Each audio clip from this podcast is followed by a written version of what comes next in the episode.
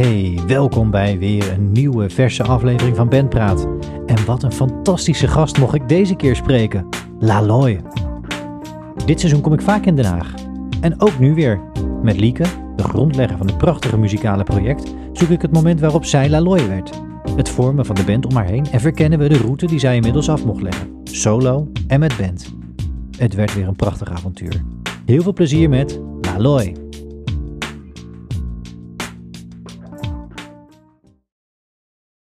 Afgelopen zomer vroeg ik jullie om tips en suggesties. Welke band of artiest moest ik absoluut spreken? Pieter, dank voor deze fantastische tip. Ja, het is weer een nieuwe aflevering van Bandpraat. En eh, ja, tof allereerst dat, je luistert, luisteraar. Maar uh, het is niet zomaar een aflevering vandaag. Ik zit in Den Haag. En, en wat een eer is dat weer. En wat een, ja, wat een, een fijn uh, gesprek ligt hier. Ik, ik verheug me er al erg op. Uh, ja, ik zit hier bij, uh, thuis bij Lieke. Ja. Laloy. Moet ik zeggen Laloy of mag ik je gewoon ook Lieke noemen? Ben jij Laloy of is het je project? Is het je band? Kunnen we dat eerst even helder krijgen? Nou, ik, je kan me gewoon Lieke noemen. Laten we daarmee beginnen. En Laloy is inderdaad het, het ja, pseudo, pseudoniem waar ik dan onder optreed. En dat heb ik ooit, ooit verzonnen als ja, ik vond Lieke dan toch een te normale naam eigenlijk om onder op te treden. Um, ja. Dus toen ben ik gaan denken over klanken die ik mooi vond. En toen is daar op een gegeven moment La Loya uitgekomen. En dat is, het betekent ook niks. Het is wel een provincie in Frankrijk, ben ik ooit achtergekomen. Ja. Maar verder is het uh, compleet gewoon uitgekozen op, uh, op klank en hoe het, hoe het eruit ziet. Ja, ja. Dan kunnen we dat dan gelijk typeren als, als iets wat ook gewoon wat erg mooi bij jou past in die zin van klanken, in klanken denken. Ja, en, ja. dat denk ik wel. En op hoe het eruit ziet. En ik ben ook een heel instinctief persoon. Dus als iets goed voelt of er goed uitziet of goed hoort, dan, dan, ja, dan heb ik daar al snel een soort affectie mee van. Waarvan ik denk, oké, nou ja, dit past bij me. Dus dan is dat gewoon wat het is, zeg maar. Ja, ja mooi, ja. ja. Hey, en ik, ik hoorde uh, in een ander interview uh, hoorde ik uh, Leo Blokhuis vermelden dat je hem had ingefluisterd dat, dat, dat je al enige tijd rondliep met de, de zekerheid onder deze naam verder te gaan. Klopt, inderdaad. Ja, ja. is dat echt iets wat, al, wat je al een paar jaar meedraagt? de naam is ooit in 2015 zo opkomen drijven. En toen heb ik daar eerst inderdaad heel lang nog mee rondgelopen met het idee van, nou, daar ga ik ooit iets mee doen en mee onder optreden. En dat duurde toen zo volgens mij drie jaar voordat het de tijd rijp was om daarmee uh, ja, openbaar te gaan. Een soort van die naam dan te lanceren, zeg maar. Ja, ja. ja mooi. En, en ja, wat nou ja, mensen die vaker naar de podcast luisteren uh, uh, weten dat ik hou van de tijdlijn. Dus je, je noemt al een paar jaartallen ja. en jaren. Ja, klopt. Um, ik vind het wel leuk om, om, om even zo in die tijdlijn langs jou ja, muzikale carrière uh, te gaan wandelen. Om uh, ook even duidelijk te krijgen van ja, hoe, hoe, je gekomen bent waar je nu bent. Um, en dat, dat, dat, dat is nogal wat. Want volgens mij moeten we terug naar, naar 2017 voor de, ja, de eerste show, november 2017. Dat je voor het eerst als Laloy op gaat treden in Sinatol in Amsterdam. Um, wow, ja, dat klopt inderdaad. Ja, ja. even graven, maar daarvoor op in 2016 stond er onder diezelfde naam wel op Soundcloud en YouTube al Caro, als ik het goed zeg. Of Caro? Oh, is het? Ja, klopt. Caro, hoe ja. moet ik het uitspreken? Caro was Caro, dan, dat nummer inderdaad. Dat, maar dat, uh, dat, daar stond voor het eerst die naam bij, volgens mij. Ja, is dat dan ook echt het begin van uh, naar buiten toe Laloy zijn? Um, nou, het is grappig dat je dat hebt weten te vinden, want voor mij voelt dat echt niet als het begin van dat project. Maar blijkbaar heb ik die, toen dus die naam al wel uh, gebruikt. En had ik hem dus toen ook al wel in mijn bezit, als het, om het zo maar even te zeggen. Maar dat nummer heb ik toen een tijd geschreven uh, toen ik nog op het conservatorium zat. Uh, waarin je natuurlijk heel erg altijd opdrachten moet maken en dingen moet schrijven voor je school. Ja. Um, en dit was eigenlijk het eerste nummer in die periode waarvan ik zoiets had van, oh, dit heb ik puur weer voor mezelf geschreven of zo. Omdat dat, nou ja, als je op het conservatorium zit, ga je dat toch wel ook dus, nou ja, in opdracht doen van je leraren of, nou ja, bands waar je dan in uh, wordt geplaatst. Ja. En dat was dus het eerste nummer waarvan ik dacht, oké, okay, dit is iets dat puur vanuit mezelf en voor mezelf geschreven is.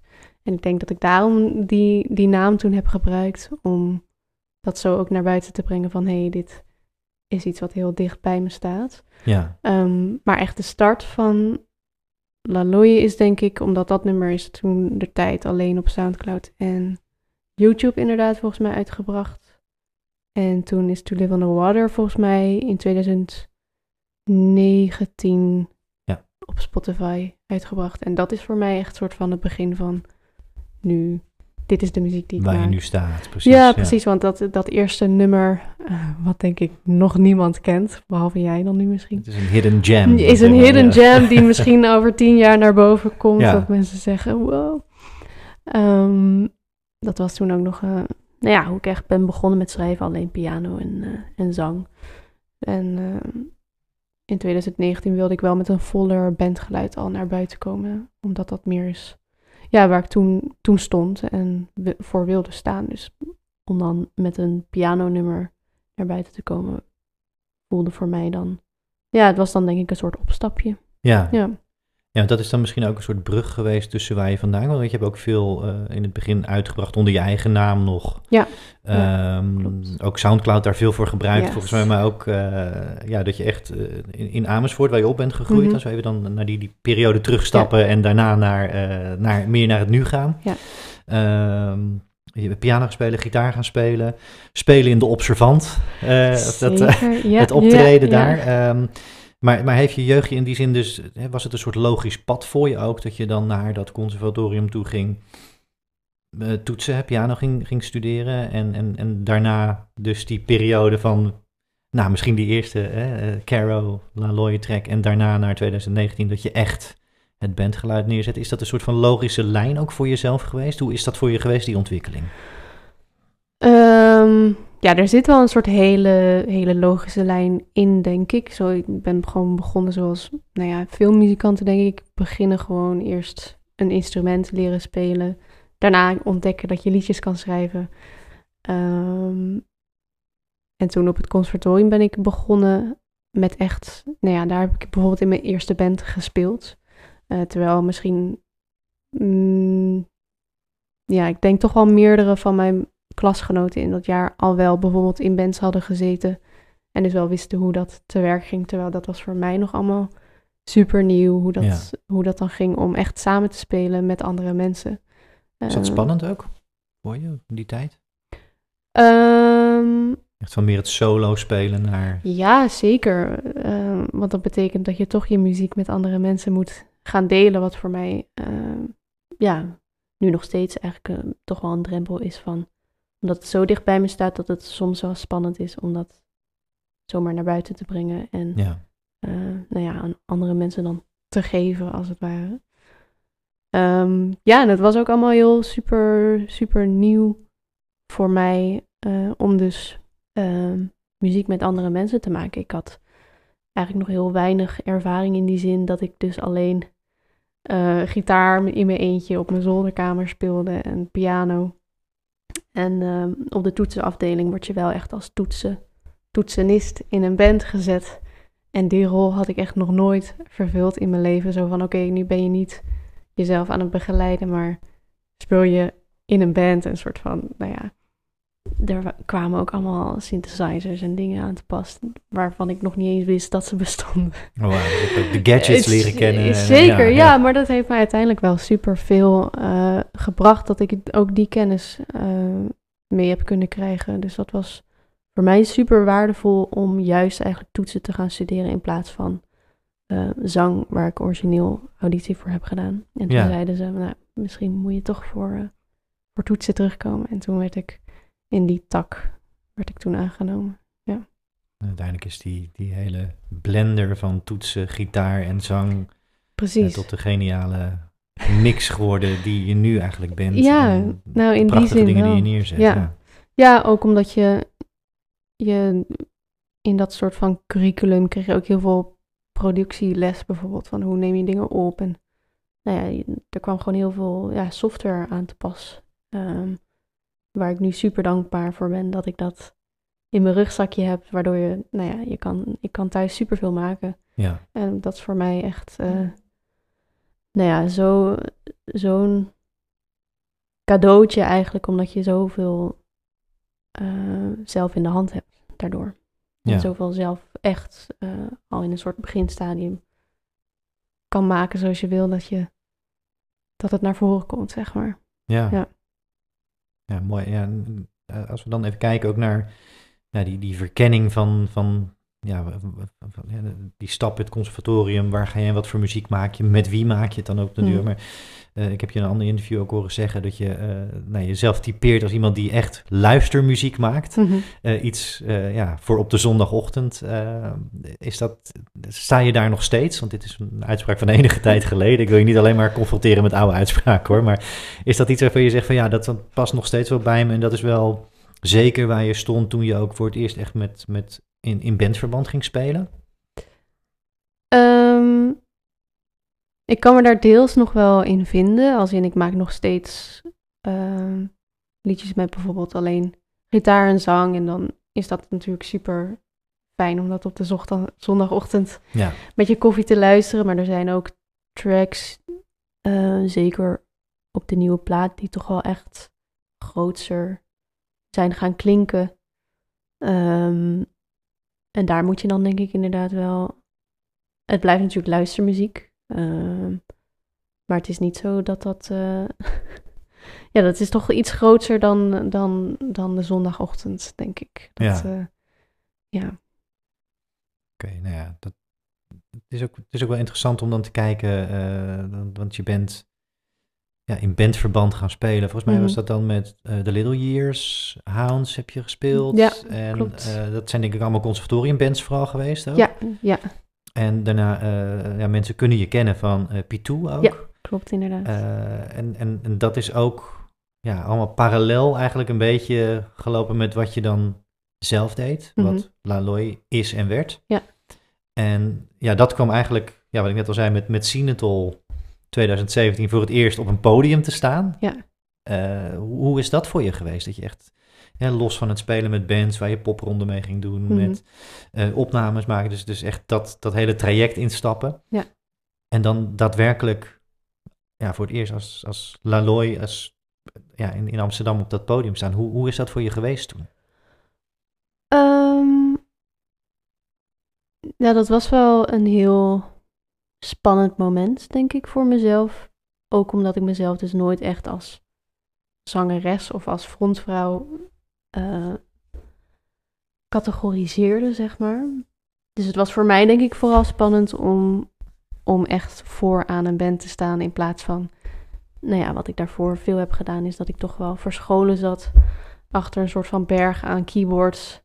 Um, en om daar dan in je ja, in je naki zo voor, voor een hele band te staan, was super spannend. Maar ook omdat je daar natuurlijk zo erg achter staat en zo erg naartoe hebt gewerkt, was dat ook een, een heel erg een bevestiging voor mij van, oh ja, dit is inderdaad uh, precies wat ik wil gaan doen. Um, en dat staat denk ik nog boven inderdaad al die uh, andere, andere bands waar ik toen in heb gespeeld. Ja. Um, waar ik natuurlijk ook uh, daardoor heb besloten van oké, okay, nou ja, ik stop met die bands en ik ga echt voor dat, dat project voor mijn eigen band. Ja. Um, dus dat was eigenlijk uh, ja, een soort hele mooie inleiding uh, van een nieuwe, nieuwe periode waarin ik dus zelf de car zou gaan trekken. Ja. ja. je had het net over een rugzak, hè, waar dan ja. software deel in, zeg maar, daar zit deze ervaring natuurlijk ook in. Is dat ook echt iets, is dat, is, ja, als we het dan zo kunnen benoemen, een soort van innerlijke strijd ook geweest van moet ik dit doen? Dat fronten uh, van een band, uh, spannend, een drempel, even uit die cockpit die al die toetsen om je heen kunnen zijn om daar dan te staan? Uh, mm, en dat heeft het nee. kwetsbare misschien ook wel? Nee. Nee, ik denk dat dat, nou ja, vanaf jongs af aan was ik al heel erg bewust van ik wil echt voor mezelf muziek maken. En dat is waar ik het meeste geluk uit haal. En eigenlijk zijn juist die andere bands waar ik dan toetsen in ben gaan spelen, die zijn een soort van ingeslopen van, oh ja, dit is ook leuk om te doen, dus dat ga ik ook doen. Maar het, uh, uh, ja, ik zeg nu plan, maar het was niet echt een plan. Maar uh, hetgene waar ik het meeste geluk uit haalde, was altijd om um, ja, zelf de muziek te maken die ik zelf geschreven had. Ja. Ja. dat is mooi. En dan ben je, ja, als ik dat al als vrij mag zijn te zeggen, in ieder geval echt, echt eh, fantastisch in geslaagd ook om dat te gaan doen. Dat, eh, ja, wat, wat er nu al voor de wereld is Mhm. te beluisteren. En daar komt nog veel meer aan natuurlijk. Maar Ja. daar kunnen we het straks ook nog over Ja, hebben. Maar dat is al eh, ja, echt absoluut meer dan de moeite waard. En, en fantastisch mooi. Dat ja, kan ik alvast eh, vanaf mijn kant in ieder geval Dankjewel. vertellen. Eh nou ja, je bent daarna eh, ja, mooie shows heb je kunnen doen na dat Cinetol geweest. Je hebt Mhm. Melkweg, Radar, kunnen, dat is ook nog op YouTube te vinden overigens voor mensen die dat nog wel willen Ja. checken. Ehm, sowieso alles even uitspelen en je- speel YouTube maar even uit als het, als het Precies, je kan staat heel, veel op, graven. Ja. Ja, ook nog onder mezelf heel veel dingen Ja, inderdaad precies, daarop. dus- Die staan er nog steeds inderdaad. Men kan nachtenlang. Een, een muzikale zoektocht langs Precies, jouw eh, ja. bestaan. Ja, Paradiso Noord, Tomorrow's Kids, hè, je afstuderen, Ja. eh, dat, dat heb je eh, meegepakt. Ja. Vondelpark, Openluchttheater. Nou. Maar eigenlijk heb je die, die anderhalf jaar sinds Sinatol ehm, ja, ook keihard gewerkt om tot een eerste release te komen. Mhm, ja. Ehm, ja, daar zat natuurlijk van alles in in die periode, denk ik. Je bent een band samen gaan stellen. misschien een team van mensen om je heen gaan, gaan verzamelen. Kun je ons eens meenemen in, in die periode, toen het project echt, nou, een project met een grote P werd, zeg maar, met Ja. een hoofdletter van, hey, dit, dit is serieus, eh, ja, dit krijgt serieus vorm, dit gaat werken, dit is Mhm. wat ik wil, wat je net al zei. Ja. Hoe, hoe ben je toen te werk gegaan? Wat is er gebeurd in die tijd? Ehm, Hele grote vraag. Ja, ik maar- moet zelf denk ik ook heel even denken dat ik het goed op een rijtje heb. Ehm, ja, als we het dan hebben over 2017, dat eerste optreden, weet ik dat ik bijvoorbeeld in dat jaar ehm, ook zou afstuderen in 2018. Ehm, en daarvoor moet je eh, ook een EP of een album inleveren. Ehm, en om dat te doen ben ik dus ehm, eerst eh, vier tracks gaan opnemen. In een kraakpand in Den Haag met eh, de band en met Bart Schattelijn heet hij. Hebben we zelf vanuit demo's die ik al had liggen, zijn we daarover eh hebben we dus die songs opgenomen.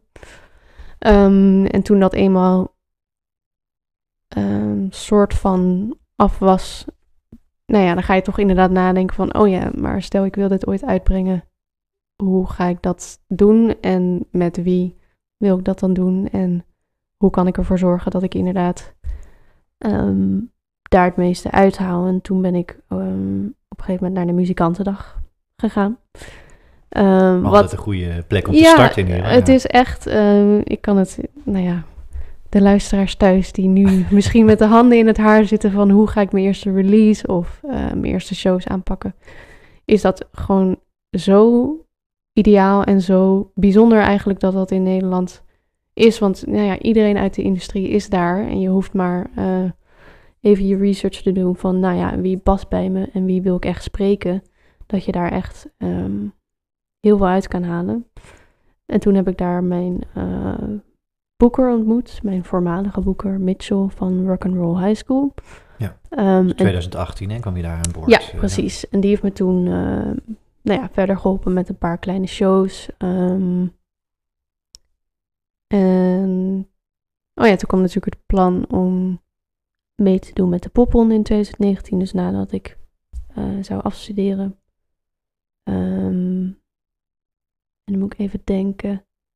Oh nee, dat is dan dus later. Dus de eerste single kwam dan in februari 2019. En toen deed ik in november 2019 deed ik de popronde. En daarvoor heb ik volgens mij wel festivals als Stille Nacht gespeeld. En ehm,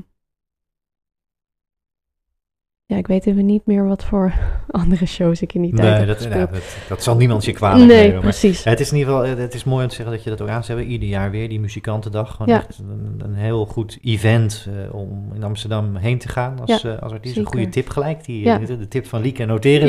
Ja. Dus eh, nee, dat is, dat is hartstikke goed. En, en inderdaad, ja, je, je, je zei het net zelf al. 2019 is misschien in die zin wel een beetje het jaar geworden. Mhm.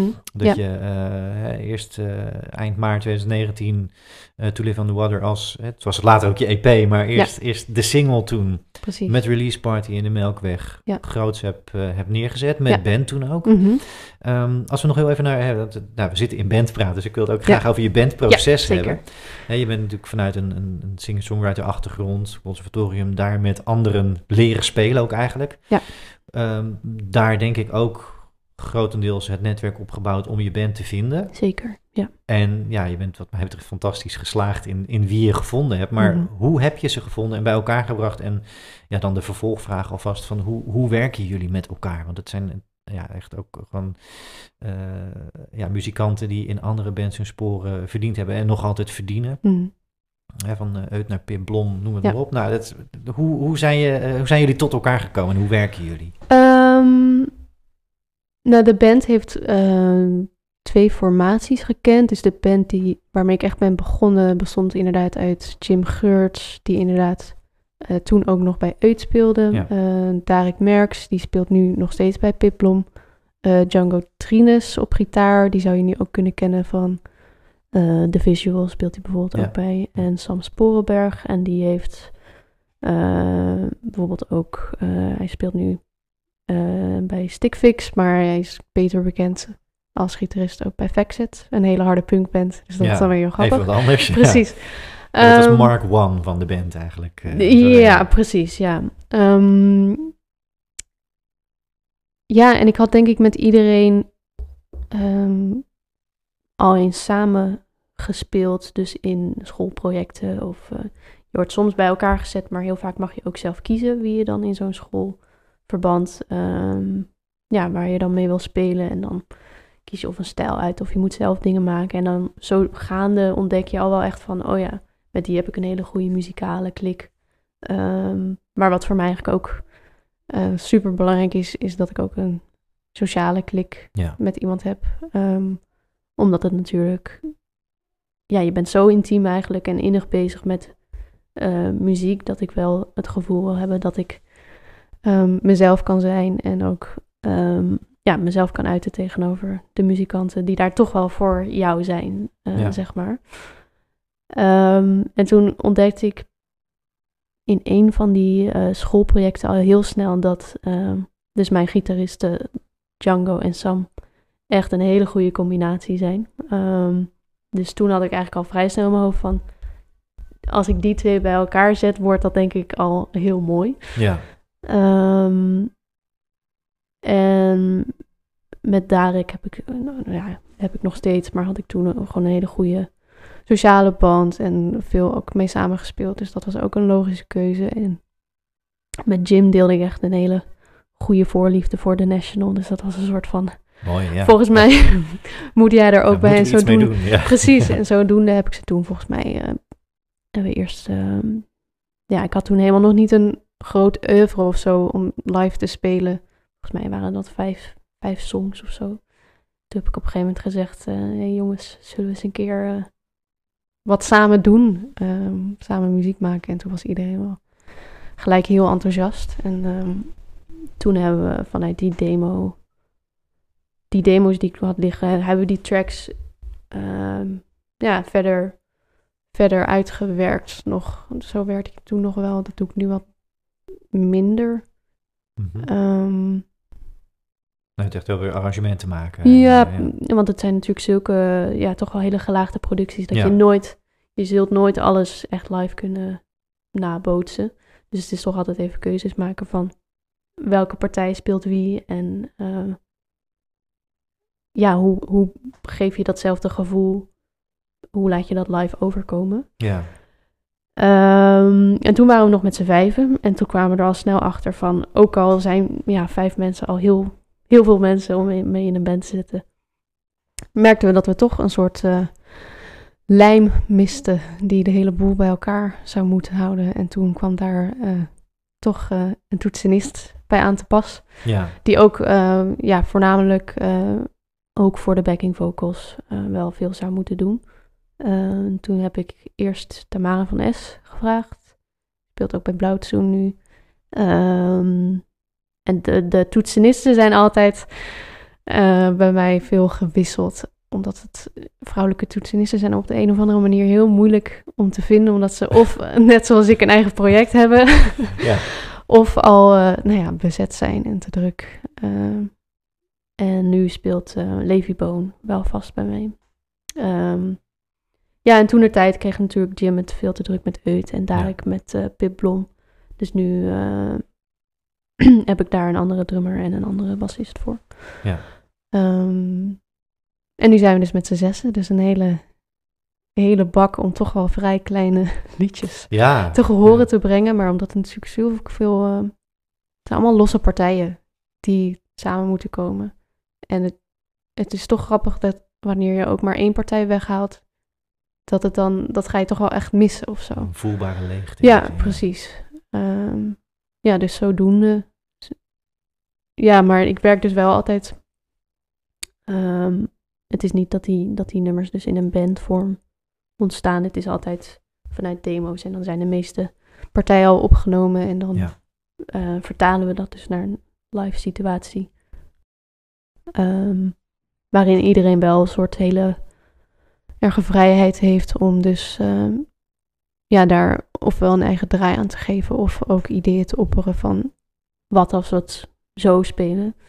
Um, bijvoorbeeld het outro van I'm Still Asleep, dat hebben we totaal omgegooid omdat we geen blazers hebben. Dus dan mm. moet je daar toch creatief in zijn van Ja. hoe ga je, omdat blazen natuurlijk een hele grootse ehm, wereld scheppen. Hoe ga je dat dan toch over laten komen? En dat hebben we dan op een hele andere manier uitgepakt, als het ware. Dus eh, ja, je moet toch eh, daar je eigen draai aan vinden. Ja, Van hoe ga je dat, eh, hoe ga je dat live zo goed mogelijk. Of nou ja, in mijn, ik denk, het is niet een, een kwestie van zo goed mogelijk, maar ik denk ook zo eerlijk mogelijk ehm, naar buiten brengen. hoe bedoel je dat? Zo eerlijk mogelijk in, eh, in muzikaal opzicht? Ehm, nou, ik denk, als je zegt zo goed mogelijk, hè, dan denk ik al snel aan, oh ja, het moet, het moet zo perfect mogelijk gespeeld zijn. Maar dat hoeft bij mij helemaal niet. Als het Dan bedoel je technisch. En, precies, ja, ja. Of, eh, of dus inderdaad dat het precies op de plaat lijkt. Ja, Dat hoeft van mij helemaal niet per se. Ehm, als, het, als het gevoel maar daar is, dan vind ik dat veel belangrijker dan dat iemand een super technische speler is of wat Ja. dan ook. Ja. ja, gevoel, als we dan die, die zijstap even mogen maken, is het Mm. Volgens mij een soort van rode draad door jouw muziek. Misschien ook door je leven, maar in ieder geval door je muzikale leven. eh, Dat, dat gevoel en, ja, ik zei het net ook al even, het, het kwetsbare Mm. van, van een bandfronter, maar ook eigenlijk het kwetsbare van ja, verhalen uit je leven zo met Mhm. het publiek te delen. Maar Ja. wat je net ook al een paar keer zelf aanstipte, van ook met bandleden, je moet je daar goed bij voelen om ja, zeker. dat aan ze te geven, maar ook misschien met ze te kunnen bespreken met een band, of in ieder geval een gezamenlijkheid daarin creëren, dat je met elkaar dus ook op gevoel iets neer kan zetten. Ja. Is dat inderdaad echt, eh, ik noem het een rode draad, maar ehm, hoe belangrijk is dat in jouw muzikale bestaan en de klik die je dus ook met je band hebt? En ja, hoe kwetsbaar voel je je daarin ook als je voor een publiek gaat spelen? Ehm, Of ben je daar misschien überhaupt niet mee bezig als je op het podium staat? Maar jawel, het- ik vind het op een podium staan nog steeds... Ja, ik ben altijd zenuwachtig. Maakt niet uit hoe groot of hoe klein de show is. ja, Ehm, ja, ook omdat je, je legt zo jezelf daarin bloot dat dat gewoon heel spannend is en ook blijft. En ik denk ook niet dat dat ooit, ooit weg zou gaan. Ehm, ja, en inderdaad, dat gevoel is inderdaad wel echt een... Ja, inderdaad, je zou het de rode draad kunnen noemen, maar zonder dat gevoel was ik ook geen muziek gaan maken, denk ik. Omdat het natuurlijk zo erg komt vanuit een soort ik heb een gevoel en ik moet dat kwijt. En dat stop je dan in een liedje. En zo ben ik gaan ontdekken van, oh ja, dat is dus blijkbaar voor mij een manier om, dat, eh, om daarmee om met bepaalde gevoelens om te gaan. Of eh, ehm, vooral wat ik de laatste tijd dan heb gemerkt, dat dat meer een soort manier is om ze een plek te geven. Ehm, omdat ik toch wel merk dat dat in het dagelijks leven dan wat moeilijker is of zo. Dat dat eh, muziek een hele veilige plek is om daar die gevoelens in te stoppen. ja. Ja. Heb je dat echt als plek ontdekt dan, muziek? Of, of mag je het zo zeggen dat je er in, in, vlucht soms met je gevoelens? Oh, zeker weten. Het is zeker een soort vlucht, eh, ja. vluchtmanier.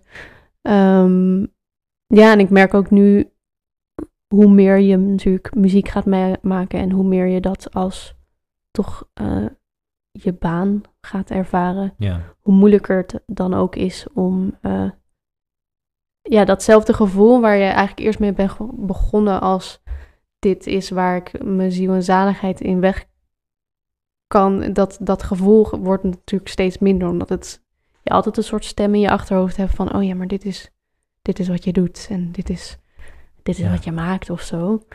Ehm, en dan wordt het in die zin moeilijker om daar eh, ja, een soort blanco in te stappen met alleen het feit dat je dat gevoel kwijt moet of zo. Ehm, dus het is ook nog, eh, ja, het verandert ook nog steeds of zo, die relatie dan met muziek. Ja. Ja, ja, ik vind het mooi dat je dat zegt. Dank ook dat je dit deelt hoor. Het is Ja, tuurlijk. Mooi dat je Ja. dat, dat zegt van, eh van hey, die stem je achterhoofd, dit is wat ik doe, wat ik wil Mhm. doen. Mhm. Wat heel veel muzikanten daar ook vaak nog aan koppelen is, maar dit is ook wie ik ben. ja zeker. Voel je dat ook echt zo? En dit is, dit is wie ik ben. Dit is wat Oh, ik ja, op ja, ja, podium en in home studio of studio. Dit, ja. Ja. Ja, en ik had ook wel, ik ben natuurlijk al een tijdje bezig om dan, nou ja, bezig geweest om dan een debuutalbum te schrijven. En toen had ik een soort periode dat het, nou ja, het kwam maar niet van de grond en het lukte maar niet. En ik vond alles eigenlijk wat ik maakte, maar ehm, ja, een soort eh, toch matig of zo. En dan, ik raakte echt in een soort bijna identiteitscrisis van, Hm. oh, maar als dit niet lukt, wie ben ik dan nog of zo? Heb ik dan nog andere dingen waar ik voor kan staan? En dat was wel een soort heel, dat was ook in die periode van de lockdown natuurlijk, waarin je eigenlijk toch ook Ja. een soort van je maatschappelijke doel of, of ehm, ja, je soort van je bijdrage aan de maatschappij, om het dan maar zo even te noemen. Dat viel toen ook weg, want ik kon niet op een podium staan. Dus eh, ja, het was een soort van ja, toch dat je moet gaan bedenken van eh, wie ben ik zonder muziek en uiteindelijk heb ik daarmee vrede gemaakt van nou ja, dat is gewoon wie ik ben en dat, ja. dat mm, puur omdat het nu even niet lukt met het schrijven betekent niet dat je dan niks meer waard bent of zo. Ja, dat is mooi en knap hoe je dan Ja. jezelf uit zo'n periode haalt. Het is, het is een periode waar heel veel mensen hun struggles gehad hebben. Maar Zeker weten. ook voor jou Ja. op, die manier ja, daar toch uit praat met jezelf, zou je kunnen zeggen. Maar ja, wat, ik- wat ik ook, wat je, je gaf ook het, maatschappelijke aan, wat ik, wat ik heel erg bewonder in je. Wat ik echt Mhm. ook heel sterk en knap vind, omdat het ook iets is waarschijnlijk, dat wil ik niet voor je invullen, dat moet je vooral zelf doen waar je zelf lang naartoe hebt gewerkt. Ja. Is ja. dat je heel erg staat voor uh, ja, ook de queer identity. Mhm. Uh, ook iets is waar je nu uh, ja, over schrijft. Ja. En waar jij ook anderen heel graag, of eigenlijk misschien een soort van baken wil zijn, misschien voor, Mhm. voor, voor anderen. Ja, om, om ze gaan op te trekken. Ja. Kan je daar iets, iets meer over toelichten of over vertellen? Want ik vind dat echt ontzettend mooi dat je dat doet en dat ook zo uit hebt gesproken Mhm. in verschillende interviews van hey, dat baken wil ik zo, of die Ja. ja, Ja, plek precies. wil ik zijn voor mensen om, om zich aan op te trekken. Ja, ja, ik ben er altijd wel heel eh, duidelijk in geweest, juist omdat ik dat in mijn jeugd toch wel gemist heb. Eh, Zo'n periode waarin je, nou ja, toch erachter komt van, oh ja, je bent dan misschien anders dan de rest, al in zo'n hele soort, eh, ja, onzekere periode, puberteit. Nou ja, Ja. iedereen kent het wel. Eh, en dan is het super belangrijk om mensen te zien waarmee je kan identificeren en nou ja, waar je een soort rust in kan vinden van hé, hey, er zijn meerdere mensen zoals ik en ehm, ja, dat je daar dat je dat een beetje houvast biedt of zo in zo'n nou, toch wel verwarrende periode. En dat gaat nu echt al, moet ik zeggen, is dat super veel beter geworden in series of ehm, nou ja, ook als je kijkt naar artiesten als Arlo Parks of The Japanese House, uh, Christine and the Queens, een soort van, er zijn zoveel meer artiesten bijgekomen die echt openlijk zeggen, hé, hey, uh, ik ben queer en dat is oké okay, en dat is Ja. zelfs cool, weet je wel. Ja. Dus uh, um, in die zin wil ik daar inderdaad zeker niet stil over zijn dat dat een groot deel ehm, ja, van, van mij is, maar dus ook daarmee van mijn muziek. Ja, Ja, zeker. dat ik heel mooi. Dat, eh, ja, goed. Ik wil hierbij die bewondering ook even persoonlijk aan je uitzweren. Nee, ik vind het heel goed dat je dat doet. En heel mooi dat je dat... Je draagt dat zelf, maar dat je dat ook gelijk meedraagt voor ja, de community eigenlijk, zou je Mhm. kunnen Ja, zeggen. eh, precies. voor, ja, ja, ja, het is oké en vindt ook een plek in mijn muziek. Of, Ja. hè, dat je eh, ja, daar, daarmee kan connecten. En Ja, dat, dat precies. vind ik echt, echt Ja. ontzettend sterk en ontzettend goed. Dus eh nou, ja, Dankjewel. dat bij deze. Hey, ehm, ja, da- dank dat je dit ook wilde delen. Daarvoor. tuurlijk. Eh, is cool. Ehm, ja, laten we even teruggaan naar eh, eh, ja, de tijdlijn. Laten we hem ja, erbij ja. pakken. Onze houvast. Ja, nee, de, eh, ja, die release party To Live on the Water. toen de popronde. Ja. Ja, om het even populair te zeggen, toen ben je hard gegaan. Ja. Nee, het was inderdaad, volgens mij is dat jaar 2019 en begin 2020, hè, Eurosonic Noorderslag Mhm, heb je ook ja. gedaan. Ontzettend goed. A, ontzettend goed gedaan, maar je bent ook Mhm. geweldig opgepikt door ehm, nou ja, eh, landelijke media, 3 voor 12. Ja. ja, je stond echt op het punt van. Nou, ja, Ja. Het verboden woord in de podcast is lange tijd geweest. Corona, Ja. of zoals Tim Akkerman in de vorige aflevering zei, Tante Corrie. Ehm, Tante Corrie. maar eh, ja, het, is, het, het, is, het heeft ook jou natuurlijk enorm ja, negatief parten gespeeld. Ja. Ehm, maar hoe is die, twee, ja, die, die periode dat het zo snel ging, eh, dat je heel veel meters hebt gemaakt, Mhm. de festivals die je niet eens allemaal meer weet gespeeld hebt, eh popronden gedaan. In hoeverre heeft dat je verder gevormd? In hoeverre hebben die meters jou vooruit geholpen eh, om een, een betere artiest, ook een betere artiest in bandverband te worden?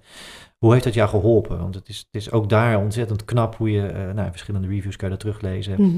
Eh, in, in, in drukke popronde omgevingen het voor elkaar krijgt dat mensen gaan liggen en met hun ogen dicht naar je gaan luisteren. Mhm. Dat, hoe, hoe heeft je dat gevormd en gemaakt tot, tot misschien een, ja, een nog betere artiest? Ehm, nou, het is in die zin was het popronde ook voor mij een, een, een heel groot avontuur, omdat ik ehm toen der tijd nog nooit solo had gespeeld. Dus ik had gewoon voor mezelf ooit besloten van eh, ik treed gewoon liever op mijn band eh, en dat is wat het is. Ja, Ehm, maar ja, wat heel veel mensen ook vergeten, dat er zoveel organisatie achter Ja. het spelen van een optreden zit.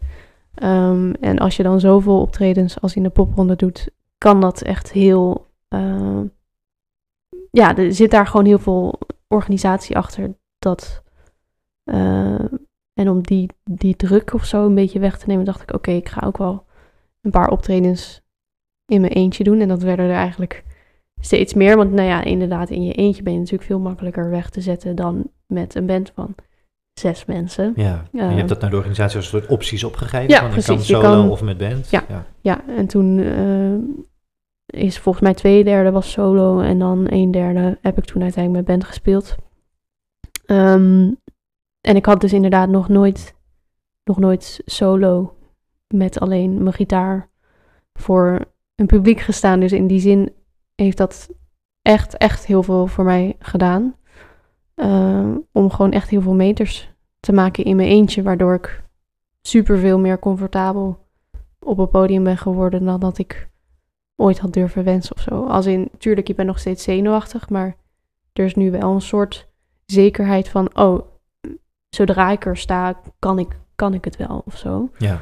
Ehm, en dat is iets wat je echt alleen kan door gewoon heel veel meters te maken en zo die zekerheid eigenlijk voor jezelf eh, ja, te winnen of zo. Ehm, dus ja, de popronde heeft echt, eh, ja, kan het aan iedereen aanraden. Ja. ja. Vooral nou ja, dat is de, de Ja. volgende tip eh, Ja. die we noteren. Ja, dan. ja, Eh, ja. Nee, heel goed. Ja, precies. De luisteraar schrijft mee. Ja. Nee, maar dat is, dat is, ja, het is, het is supergoed om dat te horen. En ik, ja, ik vind het ook erg interessant inderdaad hoe die balans dan ook is tussen solo spelen en, Mhm. en band spelen. Of dat ook een bewuste keuze geweest is. Nou, in dit geval eigenlijk vooral een praktische dus. eh, Ja, zeker. Ja. Ehm, is het ook iets wat je, eh, eh, nou ja goed, lockdowns vergeten we even, maar wat je wel door blijft zetten in de huidige situatie? Ja. Dat je zegt van ik, ik wissel die shows af of dat er misschien een, een, een solo theatertour aankomt of hoe, hoe zie je dat voor je? Ehm, in die zin is het altijd inderdaad ehm, ook natuurlijk wat de zaal wil bijvoorbeeld. Stel iemand vraagt een support, dan zou ik die vaak eerder in mijn eentje doen. ehm, dan met volledige band, omdat het natuurlijk raar is om een support te doen met zes mensen als er een trio Ja. het podium betreedt. Eh, het kan wel natuurlijk, maar het is, eh, nou ja, het is in die zin eh, en voor de zaal en voor mezelf makkelijker om dat solo te doen. Ehm, nu lijkt het heel erg alsof ik echt puur het soort van gemakzucht solo het podium betreed. Maar het is voor mij ook een hele uitdaging om dat in mijn eentje zo goed mogelijk over te brengen. Dus ik beleef daar ook super veel plezier uit. ja. En het kan ook gewoon heel goed. Ehm, maar bijvoorbeeld release shows of eh, echt festivals doe ik gewoon altijd met band. Eh, omdat dat is ehm, hoe de muziek in mijn ogen het beste overkomt. Ehm, want er zijn ook heel veel songs die bijvoorbeeld in mijn ogen dan minder goed werken eh, als ik die solo speel. Omdat heel veel van mijn liedjes toch wel maar vier akkoorden zijn of zo.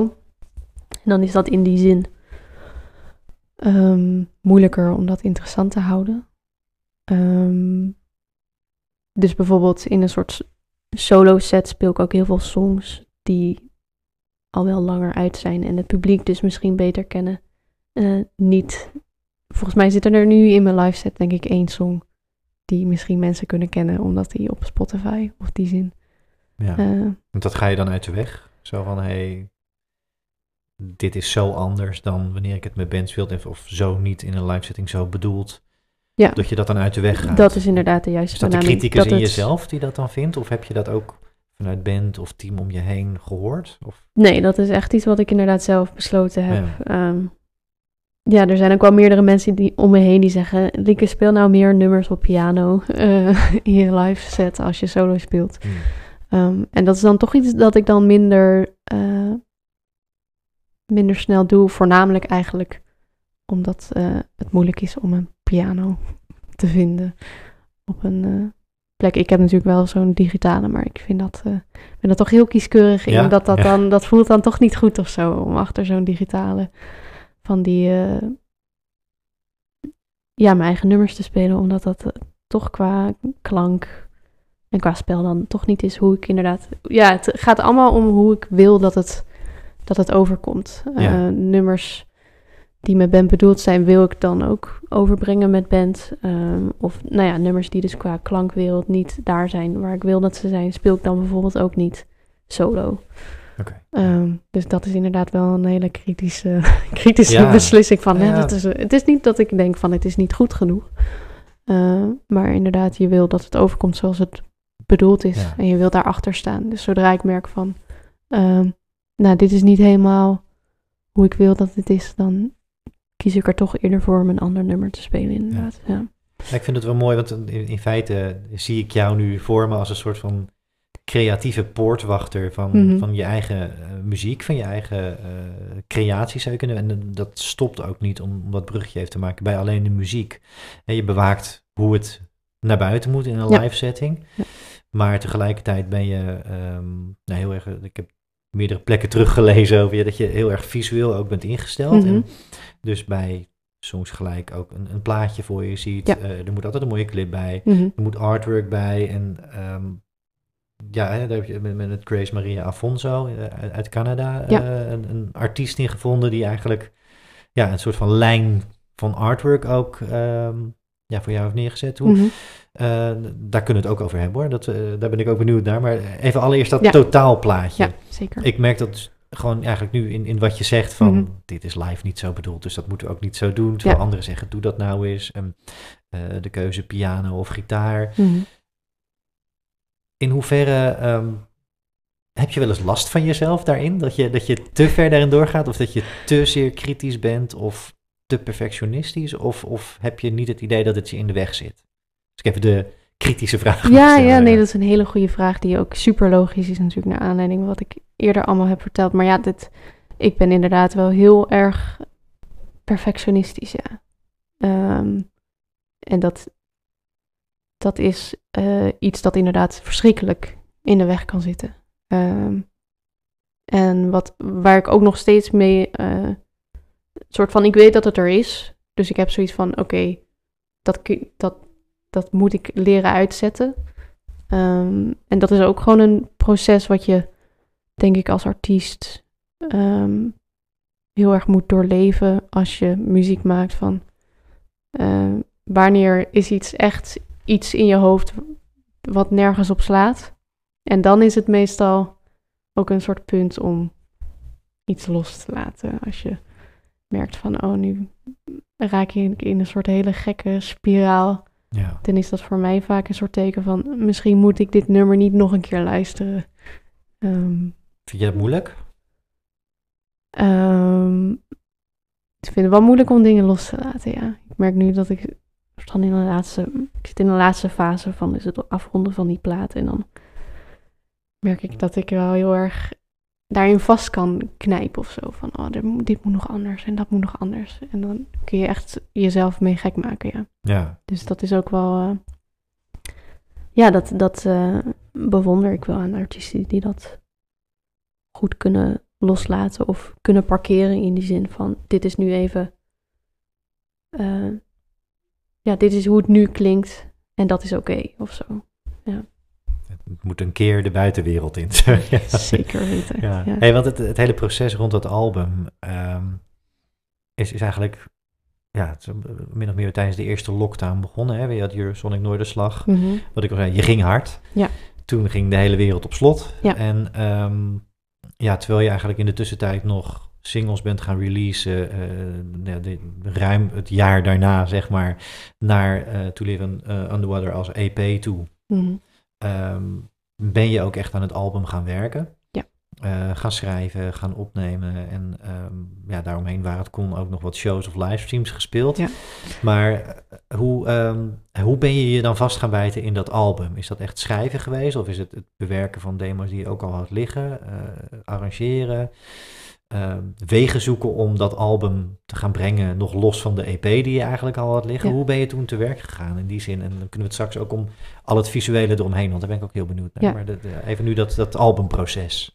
Ehm, nee, ik had, al, ik had al een aantal songs die dus niet op die EP in 2019 zouden komen, had ik al liggen, wat een soort mooie al opzet is dan naar een soort van, oké, dit, dit is dus blijkbaar de sfeer waarin het eh, gaat zitten. Ehm, ja, en toen ben ik heel veel demo's gaan maken. Ehm, en sommige blij, zijn blijven hangen en andere die eh, hebben denk ik één keer daglicht gezien. En de andere die... eh, ja, er zijn ook heel veel demo's waar ik dan een hele productie bij heb gemaakt, arrangementen, alles opgenomen. En dan uiteindelijk toch in de laatste fase hebben besloten van, nou, dit, dit wordt het gewoon niet of zo. En dan is, dan is het inderdaad het moment om te zeggen, weet je wat, dit nummer komt gewoon niet op de plaats. Ik moet gewoon even iets nieuws Ja, eh, maken. Ehm, even iets nieuws maken. even, je moet gewoon Ja. even iets nieuws maken. Nee, en ehm, ja, dus ik had, al, ik had al een paar demo's. En toen heb ik daar dus in die lockdown tot aan eh, vorig jaar november volgens mij ehm, tien songs voor geschreven en eh, demo's voor gemaakt. Ja. Ehm, ja, tot, tot een punt waarvan ik dacht, oh ja, dit is nu een soort mooi rond verhaal. Ehm, ja, dus eh, zodoende. Ja, en, en daar mogen we ons op gaan verheugen op, Ja, het, eh, zeker. op het album. Ja. En is het dan ook een proces waar je, ik weet niet of je daar nu al mee bezig bent of daar iets over wil of kan zeggen, maar eh, ook het hele creatieve eromheen. Dus er moet natuurlijk een, een albumhoes komen. Ja. Eh, komt er vinyl, cd's? Wordt het alleen digitaal of wordt het alles erop en eraan? Nee, het wordt, wel, het wordt wel alles erop en eraan, ja. Ook omdat die vorige EP natuurlijk niet fysiek uit is gekomen. Ehm, ja, is dat natuurlijk wel ook iets wat nog op mijn bucketlist staat om iets fysieks überhaupt vast te hebben van, oh ja, dit heb je gemaakt. Eh, echt met een vinyl en een hoes inderdaad. En dat je die Ja. er dan zo uit kan halen. Een soort van dat moment. Ja, nou, ik kan me voorstellen dat dat juist voor jou heel erg belangrijk is om dan echt dat fysieke product. Ja, precies. in handen te in plaats hebben. van, oh ja, er staat nu een plaatje op Apple Music. Ja. Dat is toch een heel ander... ja, Ook leuk. ook leuk, maar het is toch een heel ander gevoel, denk ik. Ja. Ja. Hey, want hoe ben je tot die samenwerking, of ja, ik ken de relatie natuurlijk niet met, met Mhm. Grace Maria Afonso, Mhm. eh, eh, Canadese eh, kunstenares. eh, nou, bomvolle socials heeft ze, waar je heel veel van haar werk en dus ook het werk wat jouw ja, covers van, van singles en Mhm. van EP geworden is. Hoe ben je ehm, bij haar gekomen en hoe ben je eh, in, in die samenwerking terechtgekomen? Dat, dat is ja, ja, eigenlijk gewoon uit haar oeuvre of uit haar collectie plukt voor je, voor je singles. Ja, En, eh, dat is eigenlijk wel heel leuk gelopen. Ehm, want ik had natuurlijk die songs liggen en ik had daar wel een heel specifiek idee bij van, oh ja, dat moeten schilderwerken Ja. worden. je schildert zelf ook. Ja, precies. Dus ik heb heel lang ook getwijfeld van, moet ik dat dan zelf doen? Maar dan, eh, ja, na lang proberen ook, dacht ik van, nee, dat moet ik mezelf. Dan moet, dit is iets wat ik uit handen moet geven. Ja. Ehm, en toen ben ik, eh, nou ja, Instagram is in die zin een hele goede tool om mensen en artiesten te bereiken die je anders misschien nooit zou tegenkomen. Ja. En toen ben ik na, nou ja, een paar doorkliks en ben ik op haar profiel terechtgekomen. En toen zag ik dat en toen dacht ik gelijk, dit is, dit is wat het moet zijn. Ehm, en toen heb ik haar gewoon een berichtje gestuurd van luister, ehm, ik ben een muzikant en ik ga een paar singles uitbrengen. Mag ik daar een paar van jouw werken voor gebruiken? En toen heeft ze gewoon ja gezegd. Oh, wauw. ja, Zo makkelijk. zo makkelijk. Ja, nee, Ja. ze was daar heel cool onder. Zo van, ja, muziek doet ook superveel voor mij werk. Dus zo kunnen we voor ons allebei eh, iets betekenen eigenlijk. Als een soort weder, wederdienst. Ehm, Super. Ja. ja. ja, dus dat was heel, heel fijn om te merken dat iemand zo... ehm, ja, dat gewoon eigenlijk aan je schenkt van neem het maar gewoon en doe ermee wat je wil of zo. Ja. Ja.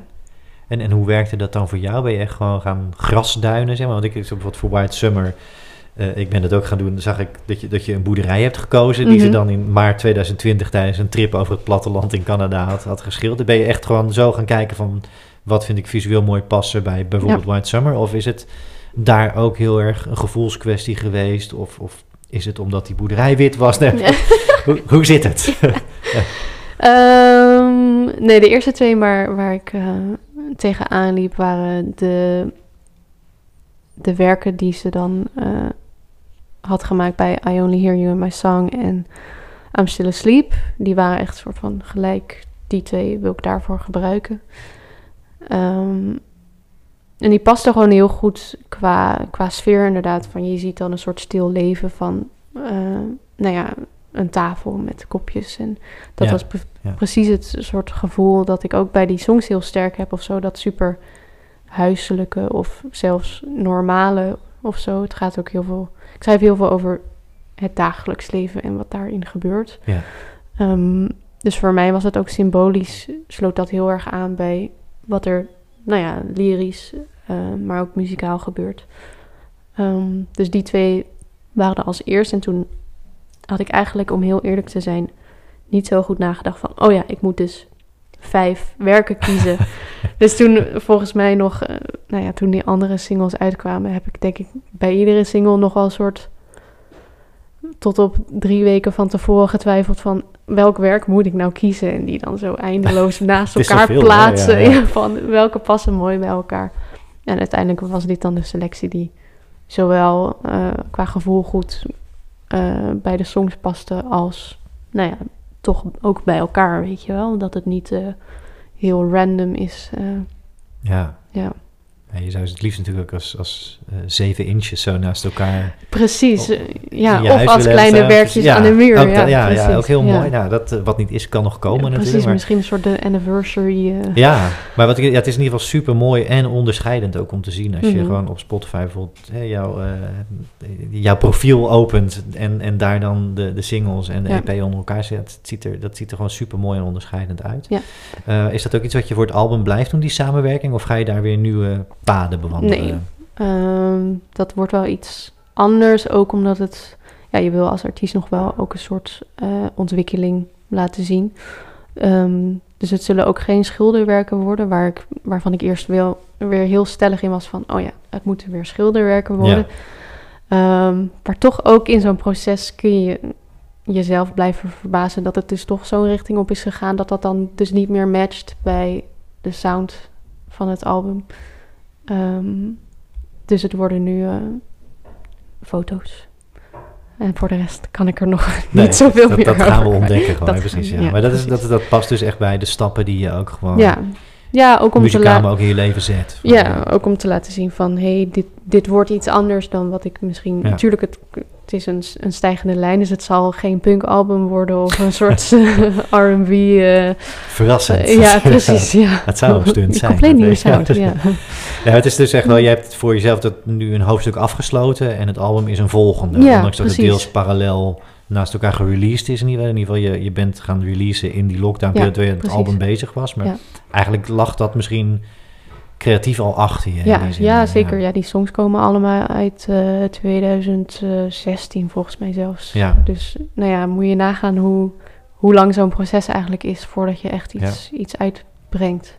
Ja, dat kan ook anders natuurlijk. Sommige mensen die maken, nemen een single op en dat duurt vijf weken en dan is het er. Maar nu in deze, ja, in de, de- op gewoon de manier waarop ik het heb gedaan, duurde het allemaal gewoon heel, heel lang. Ja. Ja. maar dat is wel een manier die voor jou werkt, toch? Daar gaat het toch om uiteindelijk. Dat het voor jou werkt, dat jij Ja. uiteindelijk met dat eindresultaat goed kan leven. En ja, Ja. daar eh, niet de neiging hebt om dat weer overal vanaf te gaan halen, zeg maar. Nee, Maar dit- precies. ja. ja. Nee, mooi. Ja, leuk om te horen ook hoe je, hoe je tot deze samenwerking creatief bent gekomen en Ja. daar eigenlijk gewoon toevallig op gestuurd bent, maar dat dat dan wel zo tekenend voor je werk eigenlijk wordt. Ja, en ook, weet je wel, ik, als ik dan zoiets bedenk van ja, ik moet haar een bericht sturen, dan ga ik er altijd gelijk van uit van, oh ja, dat gaat of heel veel geld kosten of iemand zegt nee.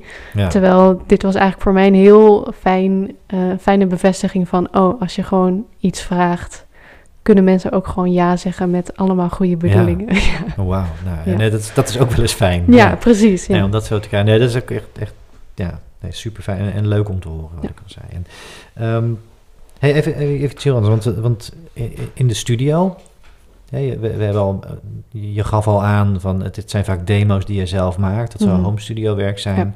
Je gaat vervolgens naar een plek waar je met de band op gaat nemen, waar je in Mhm. ieder geval gaat werken aan, aan het eindresultaat. Is dat ook hoe je voor het album eh, bent gaan werken? Ben je daar ook met de band weer voor gaan zitten, een plek gaan zoeken? Hoe, hoe zijn jullie eh, voor dat album aan de slag gegaan? Studio Ehm, technisch. Studiotechnisch zijn alle, alle verschillende onderdelen in verschillende studio's opgenomen. Dus waar ik voor de vorige EP echt één studio koos en daar kwam iedereen dan langs. Dus eerst drums, dan bas, dan gitaren, zeg maar. Dus alles is wel apart. Het wordt Ja. allemaal niet... eh, De niet- lagen blijven intact. Het is niet... Zeker, eh, ja. oké, Ehm, en nu heb ik dat toch wel. Nou ja, ik zei eerder al dat dat in een kraakpand is opgenomen. Ja. En toen, nu bedacht ik van, van nou, het moet misschien toch wel een echte studio gaan worden. Om toch een, eh, ja, iets, iets mooiere sounds te kunnen maken. Ehm, ze hebben nu drums opgenomen in Wisseloord. Ehm, mooie plek. Mooie plek, Ja. zeker. Ehm, en dan de... Ja, veel gitaren hebben we dus wel bijvoorbeeld gewoon... Eigenlijk, eigenlijk is veel gewoon gehouden zoals het is, behalve drums en bas. En bijvoorbeeld voor de gitaren ehm, hebben we dan heel selectief gekeken van... Oh, wat zijn partijen die goed genoeg zijn zoals ik ze thuis heb opgenomen... en wat zijn partijen die eh, of opnieuw moeten of, nou ja, nog erbij moeten worden geschreven. Dus voor bijvoorbeeld ehm, drums en bas was het gewoon van dit zijn de partijen en zo gaan we ze opnemen. Ja, Terwijl voor gitaar had ik dan iets, iets meer de tijd genomen om dus juist een soort, nou ja, creatieve hub te maken. Ja. Zo van, nou ja, we gaan gewoon daarheen en we zien wel wat er gebeurt, zeg maar. Wel met een soort plan natuurlijk van, oké, dit zijn de partijen die of opnieuw worden eh, opgenomen. Of daar wil ik nog een specifieke partij die ik bijvoorbeeld zelf niet kan spelen, omdat ik natuurlijk niet de meest technisch onderlegde gitarist ben. Ehm, en mijn gitaristen natuurlijk wel. Ehm, ja, en zodoende hadden we natuurlijk een hele bak aan geluiden en sounds en partijen. Waar we nu nog steeds in het mixproces ja. een soort hele, ja, toch wel grove selectie aan het maken zijn van, nou, dit moet gewoon weg en dat eh, mag blijven. Ehm, ja, dus het is een soort. Het hele album is een combinatie geworden van dingen die thuis zijn opgenomen. En dan enkele, enkele partijen zijn dus wel in een soort uh, hoogwaardige studio, even zo te noemen, opgenomen. Ook om die soort van, uh, nou ja, voornamelijk om de intimiteit wel te behouden. Ja. Want het moeten natuurlijk geen slikke producties worden, maar er zijn wel een paar instrumenten waar het gewoon nodig was dat het, dat het even goed werd opgenomen, zeg maar. Ja. ja. En is dat ook productietechnisch iets waar jij dan met name de regie voert? Waar jij, je zit zelf ook uh, voor Meda Rose heb je productie, Klopt. producer. En ja. doe je dat voor jezelf dan ook? Of is het juist dan ook, ik kan me voorstellen dat het misschien spannend is, maar zoek je ook wel iemand anders die je bijstaat in die productie voor je eigen proces, voor je eigen werk? Um, ik zou mezelf wel de hoofdproducer willen noemen. Um, en Matthijs Kievit heeft het dan geëngineerd. Dus hij heeft zich vooral bemoeid met...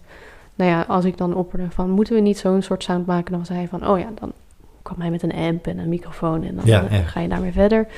En um, ik heb Jim weer gevraagd of hij de co-productie wilde doen. Dus of hij um, bij de opnamedagen dus bijvoorbeeld aanwezig wilde zijn... om dan toch... Soms wil je gewoon even iemand hebben om mee te discussiëren van... Ja. Waarom proberen we niet dit? En dan kun je er zelf wel achter komen of je dat wel of niet wil. Maar het is gewoon heel fijn om een, iemand te hebben die niet de songs al 10 miljoen keer heeft gehoord.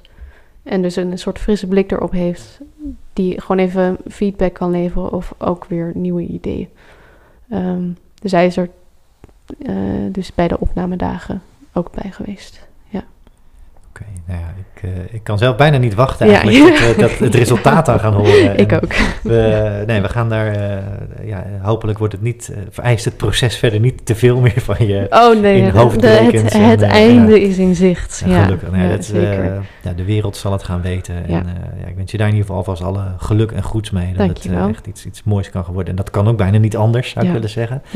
Um, maar als we dan kijken ook naar, um, hè, want, want ook je EP en ook de singles, die zijn mm-hmm. internationaal ook al opgepikt. Ja. Er, er, zijn verschillende mooie interviews, blogs, nou, er, van alles voorbij gekomen, nog mm-hmm. los van de streams en dergelijke. Ja. Um, die ook uh, in, in de bizarre aantallen in sommige gevallen lopen. Maar mm-hmm. uh, is dat ook iets waar ambitie voor jou ligt om nou, het, het Nederlandse te overstijgen en ook internationaal te kijken? Hè? Waar je natuurlijk ook afgelopen voorjaar al een hebt mogen, mogen proeven. Dat wel Mhm. solo toen met Ja. uh, de support voor Kevin Morby hier in Frankrijk, Duitsland, België, zes shows. Mhm. Uh, afgelopen mei was het. We Ja. spreken elkaar als voor de luisteraar goed om weten, uh, september 2022. Dus mocht je in uh, 2230 zitten te luisteren, dit was het moment. Maar is dat iets waar je ook echt op richt of waar je naar kijkt met management boeker van hey, internationaal, daar liggen kansen? Of? Ja, zeker. Um, ja, eigenlijk ju mijn ogen zijn eigenlijk juist gericht op meer naar het buitenland. Um, ja, toch wel Europa, uh, Verenigd Koninkrijk en Amerika. Um, toch omdat ik meer het gevoel heb dat daar een plek is voor mijn muziek. Nederland is en blijft klein en de alternatieve scene is in die zin ook klein of zo. Er is weinig. Uh, ja, er is gewoon minder, minder animo, denk ik, voor muziek dat ik maak, denk ik. Um, dus in die zin, ja, is mijn ambitie eigenlijk al vanaf uh, vrij vroeg geweest om dus verder te kijken dan, dan Nederland. Um, en daar eigenlijk zo snel mogelijk stappen in te zetten. Ja. Uh, om daar een soort voet aan de grond te krijgen. En, en hoe is die supportshow dan bijvoorbeeld uh, tot stand gekomen? Als dat, dat, dat zijn dan de eerste stappen echt Mhm. mm -hmm. geweest die, die je kon zetten, ook door alle lockdowns en nou, de shit daarvoor. Ja, precies. dat, dat, ja, hoe, dat was wel even uh, een duik in de diepe inderdaad. Ja, een soort jaar aan... Ook geen uh, kleine shows. Zeker niet. Ja, ja, klopt inderdaad. Um, ja, dat was eigenlijk heel bizar. Ik was uh, toen in België voor een supportshow van Evie de Visser met Pitou. Mhm. Mm -hmm. En toen werd ik uh, gewoon ge-sms'd door de tourmanager. Van, hey, wil je de support doen voor Kevin Morby? En ik zat dat zo te kijken en het was een onbekend nummer. En ik dacht echt van, nou, dit, dit, is, dit is een heel gek bericht, weet je wel? Ja, ik dacht oprecht, iemand zit nu gewoon te fucken met mij. Ehm, en toen heb ik, eh, zag ik die zalen, dus ik nou even fact checken van, speelt hij ook daadwerkelijk dan? En eh, nou ja, het klopt allemaal, dus ik had gewoon teruggeappt eh, van, eh, ja, tuurlijk, tuurlijk wil ik dat doen. Ehm, en toen bleek het iemand te zijn die dus de tourmanager voor Kevin Moore was, maar die heeft mij ook een keer zien spelen in de Waalse Kerk in Amsterdam. Ah. Ehm, dus zodoende is dat tot stand gekomen. Tof maar dat zeg, was echt ja. anderhalve week van tevoren. Dus het was Ja. wel een soort hele... heel last minute. Ja, het was heel last Oh, minute, omdat er dus blijkbaar een support was uitgevallen die ze origineel hadden Hmm. gevraagd. Maar daar was ook ehm, organisatorisch iets misgegaan, waardoor die niet meer mee kon. Oké. Ehm, dus het was, ja, ik, ik ben toen de volgende dag Airbnb's gaan boeken en dan heb ik een auto geregeld eh, waar ik dus die zes shows mee, eh, Ja. mee kon. En ben je dat echt zelf gaan doen? Het was, het was solo, hè? Dus is dat ook bewust geweest? Ben je ook solo gevraagd Ja. toen? Of was dat Ja, nee, ik ben solo gevraagd Ja. inderdaad. En- maar en dat Ben je daar helemaal zelf die tour, die support gaan doen? En, eh, mijn vriendin was mee, dus we waren met z'n tweeën. Ehm, nee, maar alleen had ik dat echt niet gekund. Nee, want het is überhaupt al eh, volgens mij 20 uur rijden Ja. naar, naar Biarritz. Eh, dus om dat in je eentje te doen, is gewoon onmogelijk. Ook qua... eh, het was super cool om te doen, maar het was ook wel echt vermoeiend... omdat je natuurlijk alles zelf moet rijden. Ja. Dus per show zat daar toch wel zes uur per dag aan rijden Ja. nog weer tussen. Dus dan was je schema, nou ja, zeven uur op de auto in. Ja. Naar de show. Onmenselijk. Soundchecken, heel lang wachten. Ja. Spelen, Kevin Morby zien. eh, slapen en dan dat zes keer achter elkaar. Ja. Maar hoe beviel dat tourleven zo? eh, Europees toertje? Nou, het, het was super cool om te doen, maar ik was ook wel gewoon echt heel erg zenuwachtig. Die, ja, iedere keer weer, omdat het dus inderdaad gewoon verschrikkelijk grote zalen waren. Ja, waar ik vol. nog vol, inderdaad, waar ik nog nooit voor had gestaan. Ehm, dus dat was wel eh, een soort van een hele fysieke onderneming om dat dan vol te houden. Ehm, ook al zijn, zijn het maar, voor de luisteraars thuis, Ja. hou ik nu even mijn aanhalingsteken Ja. omhoog. Hier was Ja. het spectaculair om te zien. Ja, eh, precies, De luisteraar ja. krijgt dat dan eh, even nu Ehm, in, in gesproken woord mee. Ja, precies. Maar je bent gewoon constant bezig. Dus dat is in- natuurlijk heel intensief om dat zes Ja. dagen te doen. En eh, ook, je wordt gewoon heel moe van adrenaline, weet je wel. Je eh, staat dan een half uur gewoon helemaal strak van de focus en eh, energie. En ja, dus ook weer adrenaline. En dan daarna stort je gewoon helemaal in. Ja, je hebt alles gegeven. Ja, en dan- precies. En dan precies, ja. moet je dat nog een keer de volgende dag doen. Ja. Ja. ja. Dus het was eh, een hele ervaring. Maar het was wel... eh, ja, ik zou dat wel vaker willen doen. Het smaakt En naar meer. Het hè? smaakt zeker naar meer, ja. Ja, het was echt super tof. Ook om, om je muziek dan in een ander land te spelen of zo. Dat was voor mij echt een, eh, ja, een super coole ervaring. Was die respons daar anders voor je? Of, of- Super stil. Ja, ja. Ja, de- geen, ja. geen Dutch disease. Nee, nee, geen Dutch disease. Ik had ook als vraag, hoeveel, vra hoeveel last heb jij daarvan Nou, in dus jouw muziek? Het klinkt misschien heel, heel erg pretentieus, maar ik heb. eh, het is denk ik op één hand te tellen wanneer ik echt een publiek had dat echt hun mond niet wilde houden, zeg maar. Dus dat is in die zin heb ik daar heel veel geluk mee dat dat eh, in mijn geval nog heel erg heeft Ja. meegevallen. Ja, dat is eigenlijk een van de onderscheidende dingen die in, in veel verslagen van popronde 2009 Ja, dat jij precies. erin Dat was de, bent. dat- trademark, ja. ja, ja. precies. Ja. ja. Dat, ik moet zeggen dat wat ik terug kon vinden, dat volgens mij alleen bij Song van het jaar 2019 Oh ja, heel dat erg was inderdaad echt... een- de Dutch disease. ja, Voor mensen die het willen checken, ja, die- daar hoor je het. Daar hoor je precies Ja. wat het is. Ja, en dan, dat zegt ook wel iets over, nou ja, het soort evenement was natuurlijk heel erg van uh, Ja, gewoon zoveel mogelijk bands en uh, gewoon gaan met die banaan. En als je daar dan met je verstilde indie volkliedjes komt, is dat inderdaad misschien niet uh, een hele goede match. Maar desondanks was het uh, een hele goede show. En het scheelt natuurlijk ook, um, in, in dat geval deed ik bijvoorbeeld het laatste liedje alleen nadat ik daarna, daarvoor wel met de volle band had lopen stampen. Ja, ja, dus dan precies, ja. zijn mensen toch misschien eerder geneigd om te gaan praten. Maar, het, uh, Maar in die zin pas je je set er misschien dan ook op aan, op, de, op de setting. ja. precies. Dus dat was voor mij ook weer een wijze les dan van... eh, Ja. ja. Tof. Ja. En mooi ook om die ervaring internationaal even mee, eh, ja, mee te kunnen pakken. En laten we hopen dat daar met het album... Ja, dat je gewoon ook een mooie Europese tour kan gaan doen. hopelijk. Ja, Internationaal zeker. en dan daarna de oceaan over. Ja. En, eh, nou, Sky High met Sky. Laloy. Ja, nee. Het, is, het is je van harte gegund. Oh, en, en dankjewel. ja, nogmaals, wat je maakt. Ik vind het ontzettend tof en ik ben er zeer van onder de indruk. En eh, de afgelopen dagen dat ik me eh, ja, intens in je verdiept heb met, met huiswerk, eh, ben ik er nog meer van onder. Ook gewoon ja, van, van je, je hele muzikale bestaan onder de indruk geraakt. En ik vind het ja, ontzettend tof dat je eh, in, in bandpraat zit en dat ik hier mag zeker. zijn. Ook Ja, dank voor je gastvrijheid en zeker. Voor je openheid en je verhalen. Daar eh, ja, heb ik ontzettend veel waardering voor. Dus. Ja, nee, tot zover. Ja, ik denk eh, eh, ja, het eerste deel, eh, het, het is al bijna weer een marathon-uitzending aan het worden, deze, deze aflevering van, eh, van Bandpraat. Eh, overigens ook weer voor de luisteraar. We zijn altijd benieuwd waar je zit te luisteren, hoe je dit gesprek beleeft, wat je feedback. De helpdesk is gewoon geopend, dus mail, DM en eh, ja, neem ook eh Laloy daar gewoon in mee. Neem Lieke mee in, in je tags en laat ons weten wat je van deze aflevering vindt. Nou, tot zover deel 1. Eh, ik denk dat we even bij moeten komen en dan gaan we straks komen we weer terug met de rubrieken.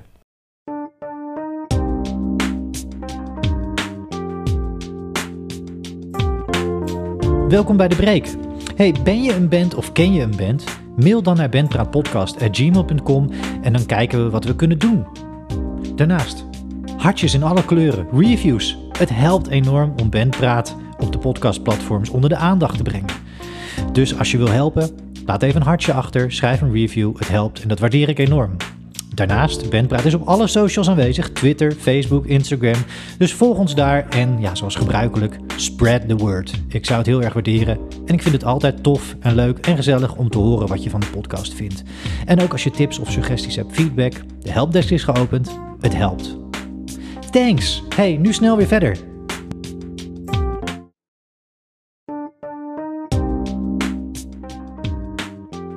Oké, ik heb iets nieuws. Je kunt je op allerlei manieren aan Bandpraat verbinden en mij zo helpen om de podcast te maken, verbeteren en verspreiden. Dat doe je door op patreon.com slash bandpraat voor 1 euro of meer per maand lid te worden. Van liefhebber tot fan, superfan tot crewmember en je krijgt merch en leuke extra's terug. Check de pagina en alvast heel veel dank voor je support. Met jouw steun kan ik de reiskosten dekken, maar bijvoorbeeld ook investeren in nieuwe opnamegear, internationale bands spreken, dat is een plan voor de toekomst, een website bouwen en hosten en heel veel meer. Ik doe dit voor de fun, maar ik doe het ook in mijn eigen tijd en in eigen beheer, dus alle beetjes helpen. Ik zou het heel tof vinden. Thanks! Er is een patron aan boord. Welkom superfan Lex. Veel dank. Er komt een sticker naar je toe en verwacht op termijn ook leuke extra content. Deze shout-out is voor jou.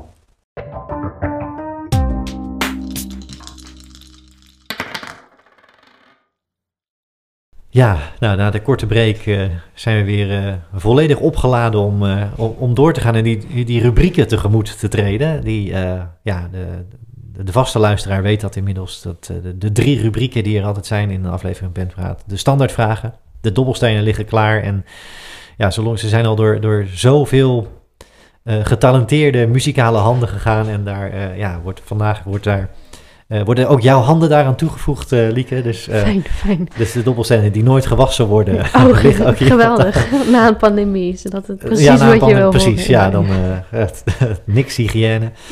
Dan gaan we de dilemma's nog doen en het slot natuurlijk van waar je over vijf jaar staat. Dat eeuwige Jeroen Pauw moment, ook hier voor jou. Daar mag je nu alvast op kouwen. Maar we beginnen met de standaardvragen. De dobbelstenen heb je al gepakt. De tafel is er perfect voor, dus we gaan zien wat er gebeurt. oké. De eerste worp, nou twee keer vier, dat is acht. Vraag 8, ja, bij 8 heb ik staan. ja, Lieke, wat is live jouw favoriete eigen track om te spelen? Dus waar verheug jij je live het meest op? Mag solo of met band, maar dat willen we allemaal horen natuurlijk. Ehm, ik vind To Live on the Water altijd een heel fijn nummer om te spelen. Ehm, Ja, waarom? het is... Mooie keuze, alles, maar waarom? Op de een of andere manier kikt die bij mij nog altijd in of zo. Die voel ik nog altijd als, eh, als dat eh, grootste outro dan met al die meerstemmigheid. Het is voor mij een heel, heel fijn moment, omdat het echt zo... Het is ook best wel hard of zo. Het komt best wel hard op je af. Ja. Eh, dus dat, dat, dat voel je dan helemaal zo in je onderbuik. Dus dat vind ik een heel fijn nummer om te spelen, omdat ja, dat gevoel zit er nog altijd. En Little Red, Little Blue, die is nog niet uit, maar dat is een heel eh, licht voetstapsnummer, waar je dan een soort doorheen, doorheen huppelt of zo. Dat is een heel fijn nummer te Ja. spelen. En het is ook echt iets eh, die, je- die je, ja, songs die je een bepaalde plek in een set ook al geeft. Dat je weet van, nou, en Water, die moet altijd een beetje door dat grote naar het eind toe. Of, heb je daar eh, een soort vaste structuur in? Of, of bouw je je set iedere avond afhankelijk van de situatie en de setting weer, weer anders op? Nou, op de een of andere manier zijn de eerste vier nummers altijd hetzelfde. Op de een of andere manier hebben we ooit ontdekt van dit is gewoon een hele goede combinatie. En dan eh, is dat ook als band fijn, omdat je dan eh, een soort referentie hebt van hoe het geluid is die dag. Ja. En wat natuurlijk ook eh, Slim, verschilt per ja. monitors. Eh, dus daar kun je dan een beetje op anticiperen de rest van de set. Eh, en dan aanvankelijk van of we 30, 40, 45 of een uur spelen. eh, verschilt de rest best wel heel erg. Eh, maar To Live on the Water is wel de vierde track van die eerste vier nummers. Ja, Dus die zit, oké. zit altijd wel vrij aan het begin. Ook omdat het natuurlijk een beetje eh, de best beluisterde song is, weet je wel. Ja, kunnen mensen alvast iets eh, horen wat ze kennen. en dan wil je daar dus dan een soort momentum creëren. Ja, precies. Ja. Mooi. Ja. Nou, mooie keuze. En, en ook ja, mooi dat je eh, ook iets waar jij volgens mij met band onderscheidend in bent, juist in dat, Mhm. dat multivocale ook. eh, Ja, zeker. Ook iets waar jullie veel aan werken of waar je zelf ook gericht op schrijft. Ehm, nee, dat ontstaat. Er zijn dan momenten dat ik, dat ik dat hoor in mijn hoofd van hier moeten meerdere stemmen bij en dan, eh, ehm, dan neem ik dat op. Ehm, maar het is ook eh, iets wat heel natuurlijk gebeurt of zo. Ik denk, ik denk nooit na van, oh, nu moet er een outro met heel veel stemmen komen. Dat, is, eh, dat, dat komt vanzelf. Ja, Het is niet echt uit te leggen hoe dat eh, tot Nee, stand komt. ontstaat. Ja, ja. het is een gevoel. Het is een gevoel, ja. ja. Oké. Nee, thanks. Ja, hier ben je... De volgende gooi, ja, de, de volgende... ja, kijken wat het lot nu doet. Zes. Zes ligt er. Ook weer een mooie vraag. Ik ben hier eh, eh, oprecht heel benieuwd naar eh, en waar dat dan is. Want waar zou jij ooit nog willen spelen? Oh, dat is echt een hele goede vraag. Ehm, je hebt volgens mij het Apollo Theater, heet dat, in Londen. Ja, Daar heb ik Big Thief gezien vlak voor de lockdown. Oh. Oh. In eh, 2020 was dat dan, volgens mij februari of zoiets. Dat is echt een super mooie zaal. Ja, dit klopt eigenlijk niet, want ik heb laatst in de Amor gespeeld in Antwerpen. Maar dat zou ik met de band ook al een hele fijne zaal vinden. Ehm, en dan natuurlijk de grote festivals zoals Lowlands. eh, of eigenlijk nog groter, iets van Glastonbury of zo. Lijkt me gewoon. Ja. super vet om Ja. dat ooit een keer te doen. Ja, Nou, wel heel, heel, heel verschillende keuzes. Maar eh, Ja. oké, van nou, daar een mooie UK-tour zit er misschien al in, waarin eh, Apollo Ja, Theater zit en. Glasgow. Glasgow, ja. Ja. Ja. Ja, dus zowel een beetje de grotere festivals als...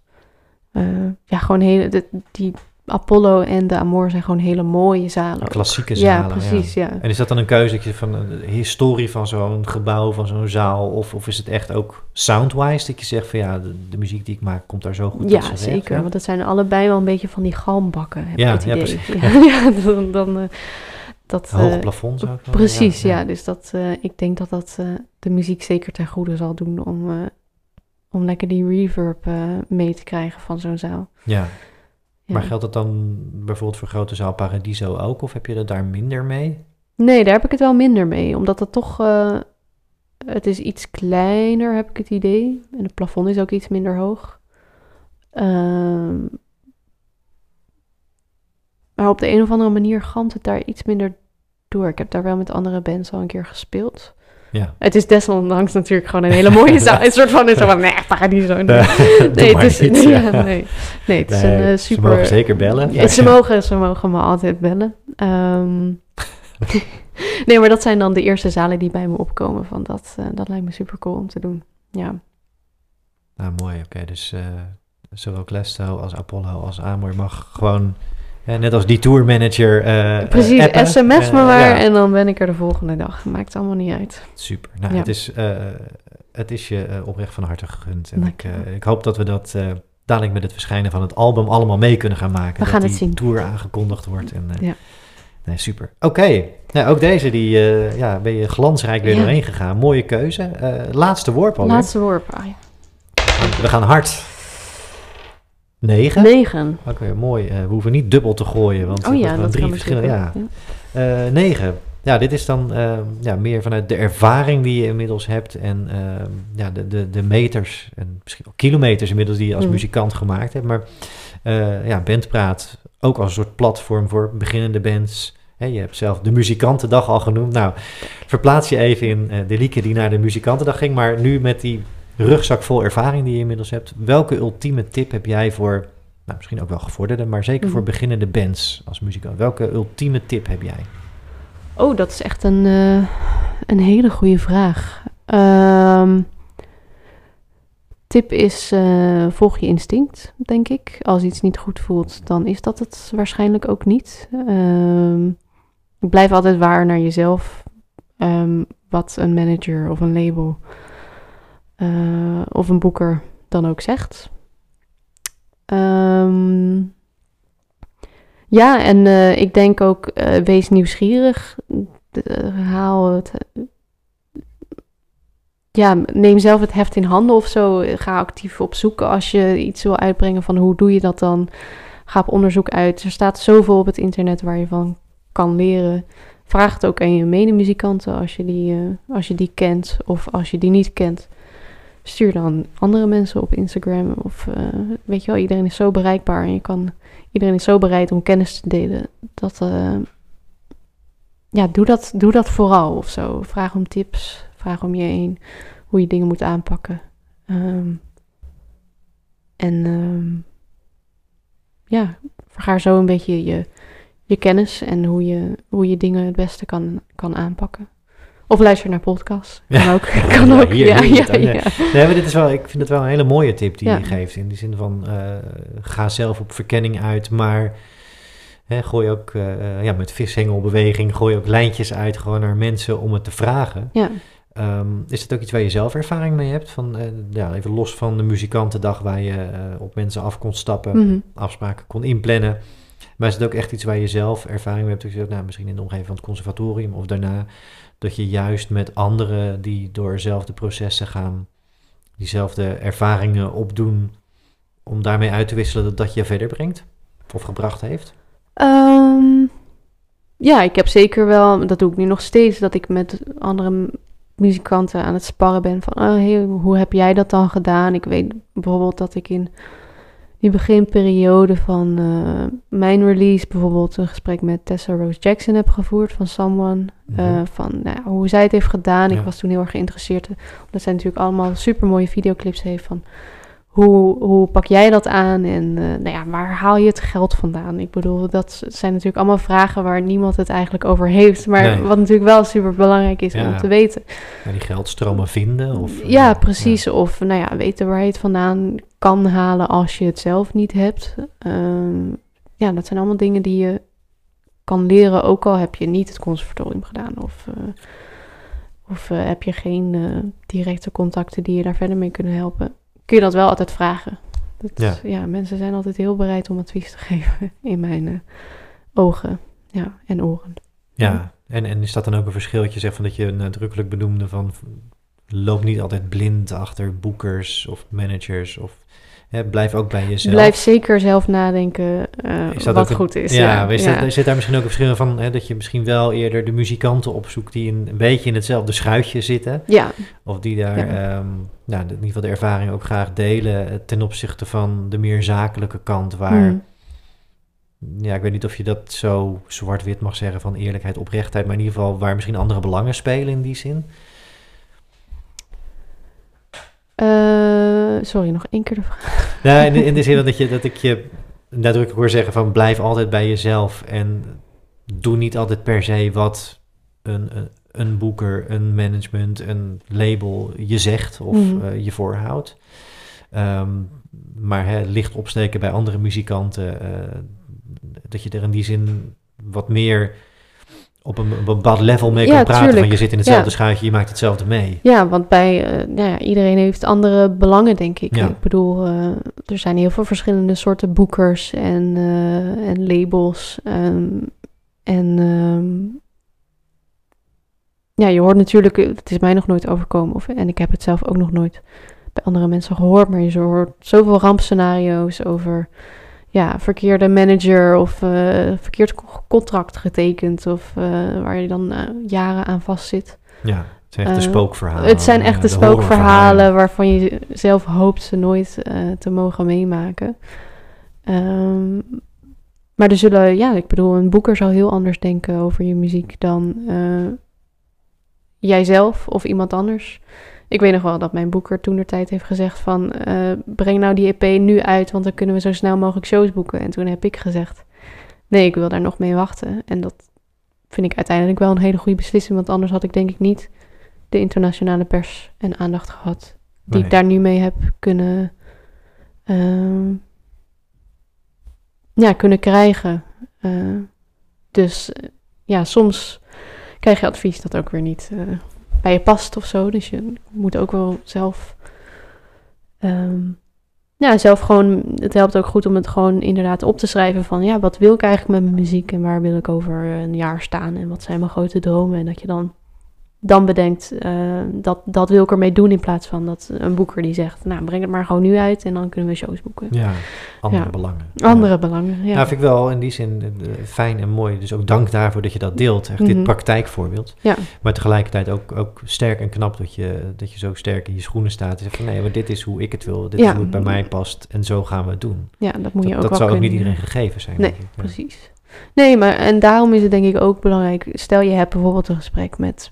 Uh, met iemand uit de industrie, dat, dat het ook oké is om te zeggen van ik moet hierover nadenken of zo. Ja, dat ja. je, want in een gesprek ben je soms of overrompeld door alle informatie die je krijgt, of ben je razend enthousiast dat je denkt, yes, deze meneer of mevrouw gaat mij super groot maken. Ja. Uh, dus het is altijd goed, uh, dat is ook een wijze les voor mezelf, het is altijd goed om ergens een nachtje over te slapen. Ja.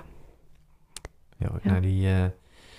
Ja, eigenlijk de, al deze lagen van tips. Je Ja. muziek zit in lagen in elkaar, Ja. maar ook de, de tips die je geeft. Ja. eh, hier zat heel veel in. En eh, nee, dit was heel, heel nuttig. Dank hiervoor. Ik denk dat, eh, ja, dat, dat luisteraars van beginnend tot, ja, hoe zeg je dat? Tot, tot zeer ervaren, Gevestigd. Ja. Hier, hier echt iets aan hebben. Dus, Ja, eh, dus dank top. daarvoor. En eh, ja, voor verdere vragen, de helpdesk is geopend, Ja, zoals precies, gezegd ja. is. Nee, dankjewel. En eh, ja, de dobbelstenen kunnen dus alweer aan de kant. Het Ja, is, eh, het, het is alweer voor elkaar. Ja. De, de standaardvragen zijn afgerond. Maar we hebben nog twee rubrieken. En ja, de eerstvolgende.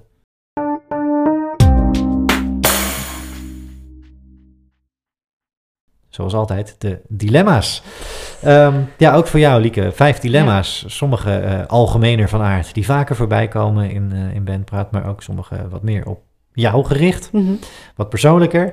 Ehm, zullen we gewoon maar met de eerste beginnen? Ik, go- gooi er maar mee. Ja, kom maar op. Ja, je bent net al uh, voorbijgekomen met, met verschillende soorten gigs die, uh, die je ja, als een soort van droomscenario voor je ziet van waar je zou willen spelen. En daar zat het allebei in. Maar als je Mm. nou zou moeten kiezen, speel je liever een, cl- een clubshow of een festivalgig?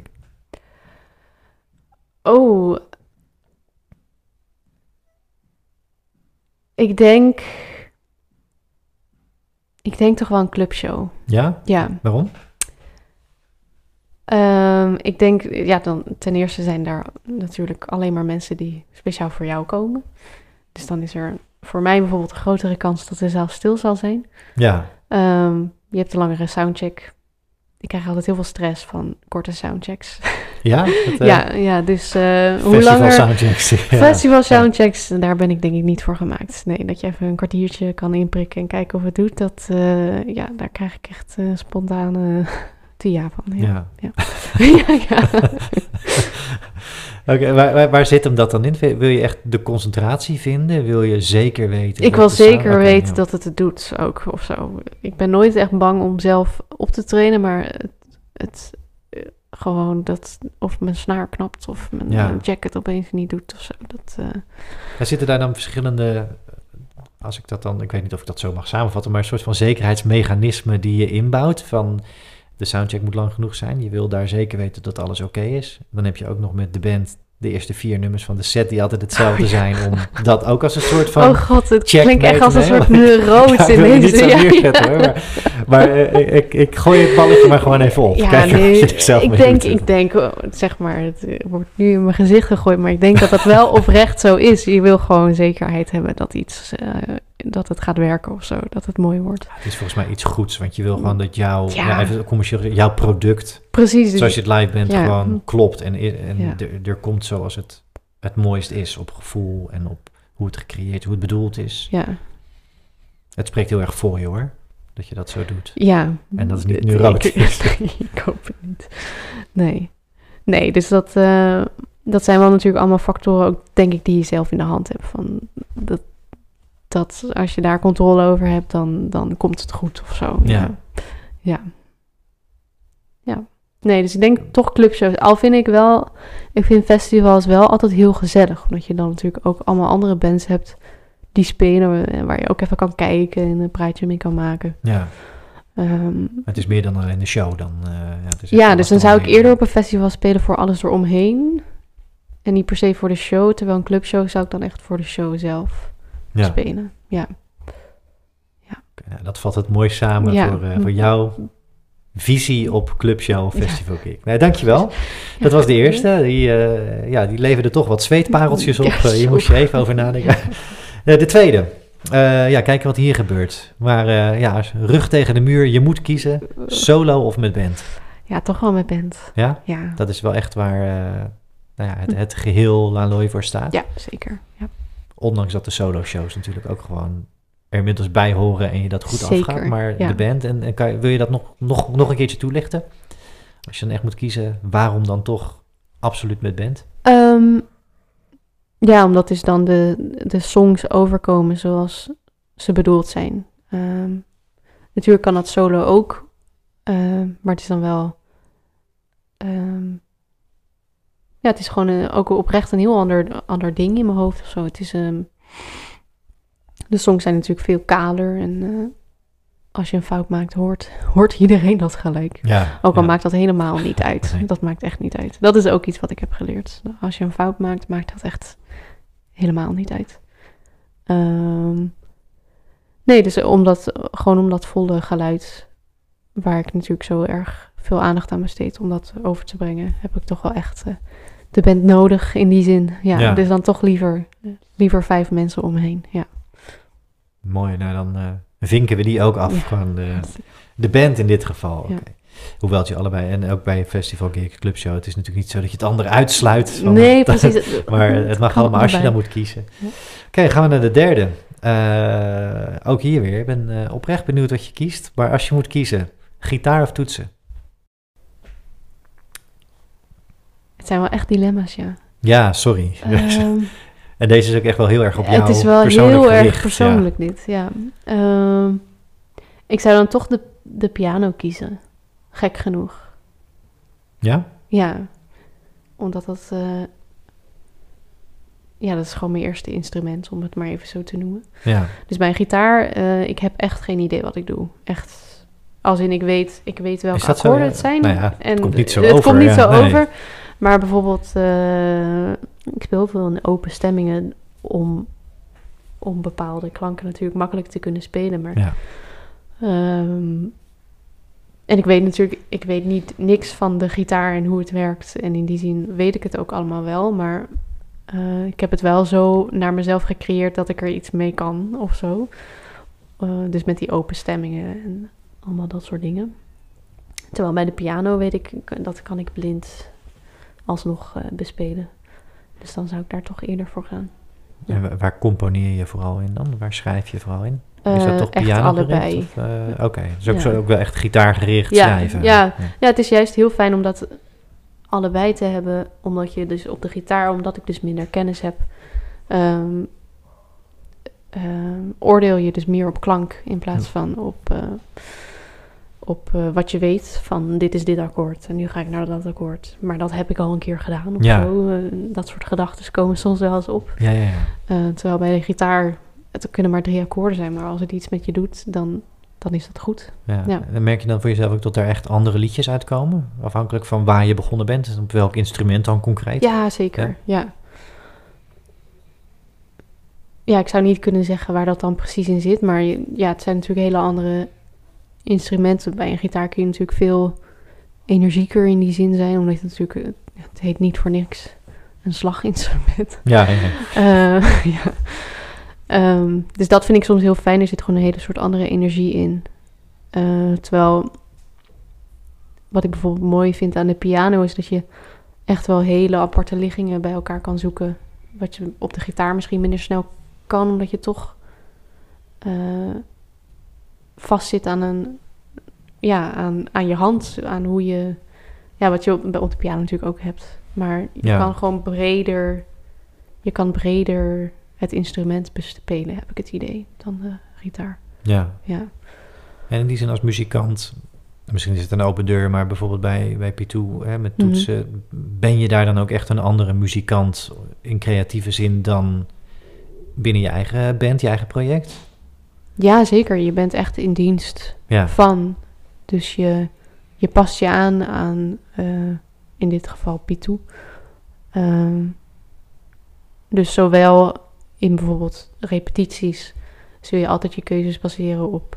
eh, zij heeft dus bijvoorbeeld dan altijd het veto. Als zij bijvoorbeeld een sound niet eh, vindt passen of zo... Nou ja, dan ga je verder zoeken naar iets wat wel past. ja, Ehm, maar bijvoorbeeld ook bij een optreden, als je merkt, dat nou, zij gaat hoger in energie, dan wil je daarin meegaan of juist in terug. Eh, dus je, ja, je bent echt in dienst van. Maar in die zin vind ik dat ook juist heel fijn om dat ook, ook te kunnen doen. Eh, omdat het echt een compleet andere functie is. ja. Ja. En neem je die ervaring als onderdeel van ook mee naar je eigen rol? Ja, zeker. front, hè, Omdat zo, je dus ja. dan wel een soort heel erg begrip hebt van hoe je, hoe je het beste iets kan communiceren naar eh, je bandgenoten. Dat zij het begrijpen en daar dus dan mee verder kunnen gaan. Ja, Oké.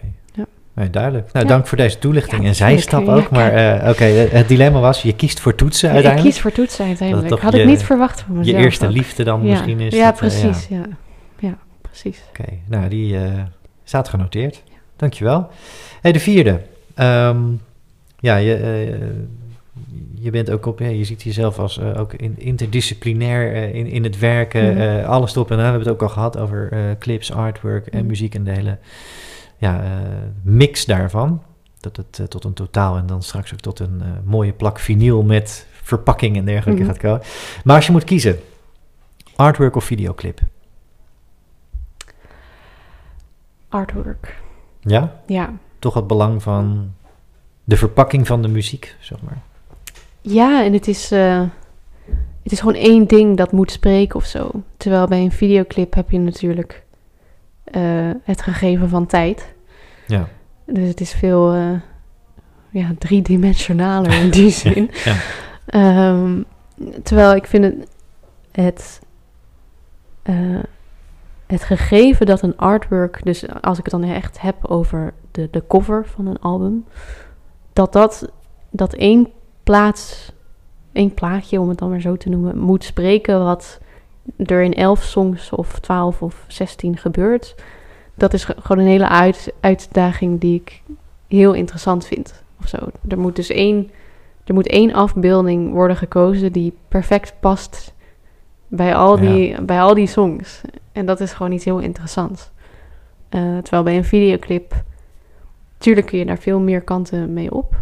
Eh, maar in die zin heb je dus ook veel meer mogelijkheden van hoe je datzelfde gevoel dus dan bewerkstelt. Ik weet niet of dat sens maakt. ja het eh, maakt wel sens. Zeker, ja. ja het is, En bij een videoclip, ja, er komt zoveel bij kijken weer. ja. Het, eh, het zijn echt gigantische producties. Ehm, ja, dus ik heb ook weer het gevoel dat ik bij artwork net iets meer zelf in de hand heb. Terwijl bij een videoclip moet ik dan dus meer uit handen geven door, nou ja, een videograaf, een eh, director, een eh, regisseur en een grading, eh, ja, lichtassistent, weet je wel. Dus ja. ja, artwork voelt intiemer. Dat is het, denk Ja. ik. Nou, dat, is, dat is een mooie conclusie van, Ja. van dit dilemma. Ja. Ja. Artwork voelt intiemer en in die zin geef je dus ook de voorkeur boven een videoclip. Hoewel Ja. je ook een videoclip natuurlijk weer niet uit wil sluiten. Zeker want, niet. eh, Nee, ook dat nee. is volgens mij iets wat je graag doet en Ja. waar je ook heel goed in slaagt. Want daar Ja. heb je al een paar ja, er zijn mooie voorbeelden te vinden inmiddels, Mhm. van dat je daar eh, dat ook goed beheerst. Ehm, ja, nee, dan, dan hebben we eh, denk ik ook dilemma nummer vier weer ja, goed doorstaan. Hier was je vrij gedecideerd over wel, Ja. hè? dat artwork dan de... Ja, ja, dat was wel vrij duidelijk. Zullen we naar de laatste gaan? Laten we het doen. Ben ik ook weer benieuwd naar. Maar als je moet kiezen, eh, met of zonder hoofdletters? Zonder. Ja, alles zonder. Alles zonder. Het viel me op, maar ik wil toch... Ja, het eens toelichten, het, ja. eh, geen idee. Ook weer iets dat te maken heeft met een soort eh, hoe het eruit ziet. Ik vind Het dat- plaatje. Het weer, plaatje ja. weer, ja. Maar even voor, voor de toelichting, want, zowel Aloy als alle namen van de tracks van Mhm. EP's, dat zal het album ongetwijfeld ook, Ook hebben, maar alles wat je doet is kleine in kleine letters. Ja, ja. Tot grote ergernis als mensen het dan wel met hoofdletters eh, schrijven. Ja, Ja, tot jouw persoonlijke ergernis. ja, eh, precies. Ja, ja, ja, Nee, niet van het publiek natuurlijk. Nee. Maar eh, ja, geen idee hoe dat is ontstaan. Het is ook, ook iets dat ik ooit heb besloten. Ik denk dat ik op een gegeven moment die naam dan alleen in kleine letters heb geschreven. En ik dacht, oh ja, dat ziet er, dat ziet er mooi uit. En dat neem je dan verder mee. Ja, Ja, dat is er ook in geslopen. Volgens mij dat- is dat nooit in ieder geval een bewuste keuze geweest. Van, oh ja, nu ga ik alles in kleine letters doen. Maar is dat er misschien ooit, ehm ooit ingesjoemeld bij Ja. eh, het plaatje van Laloye. Ja. maar het is wel een, een keuze waar je gewoon dan aan vastblijft. Het is niet zoals Zeker. met de EP. Nee, Nee, Oké, van hier ja. sluiten we dat af. Vanaf nu Ja. alles wel met hoofdletters. Nee, ik denk dat dat dan ook nooit meer gaat gebeuren. Dat het dan ineens met hoofdletters is. Oké, nou dat gaan we Ja. controleren. Het is al een hele heftige statement die ik nu maak voor... eh, Nee, maar ik- ja, het, ja. is, het, is, het is wel iets, iets ook weer onderscheidends en moois, denk ik. Ja, dat je, precies. hè, ja, misschien is dat het ook, dat je toch weer, ook weer anders wil zijn. Ja. Ja. Maar, ja, maar goed, het is, het is, het is in die zin een, een artistieke keuze. Zeker. Mooi. Nou, de dilemma's die zijn, eh, Heb ik doorstaan. zijn hiermee Ja. eh, afgerond. Ja, Ja. Je, nou ja je, je, zit nog steeds, gelukkig. Gelukkig. En, eh, Ja, wel op het puntje van mijn stoel hoor. Dus, ja, eh, nee, de ja. spanning was ook wel om te snijden bij sommige ja. Maar je bent er, eh, nou ja, vier doorheen gegaan. Zo, Eh, dat, ja. ja, dat kan ik. Het was ook wel spectaculair om mee te maken. Maar eh, nee, dank. En ook dank voor alle tips die je terzijde hebt Tuurlijk, gegeven. ja. En eh, ervaringen die je hebt gedeeld. Ik denk Ja. tot eh, nou, lu- muzikale luisteraars, maar ook mensen die gewoon casual luisteren naar deze podcast hier. eh, Meer inzicht in. Precies. ja. Nee, dank. Ja, dat ja, brengt ons al bijna weer bij het einde van, van deze aflevering. Waar ik je nogmaals even tussendoor voor de honderdduizendste keer wil bedanken voor je gastvrijheid en voor Ja, al je openheid en verhalen. Ja. Ehm, maar ja, als we dan kijken naar de toekomst.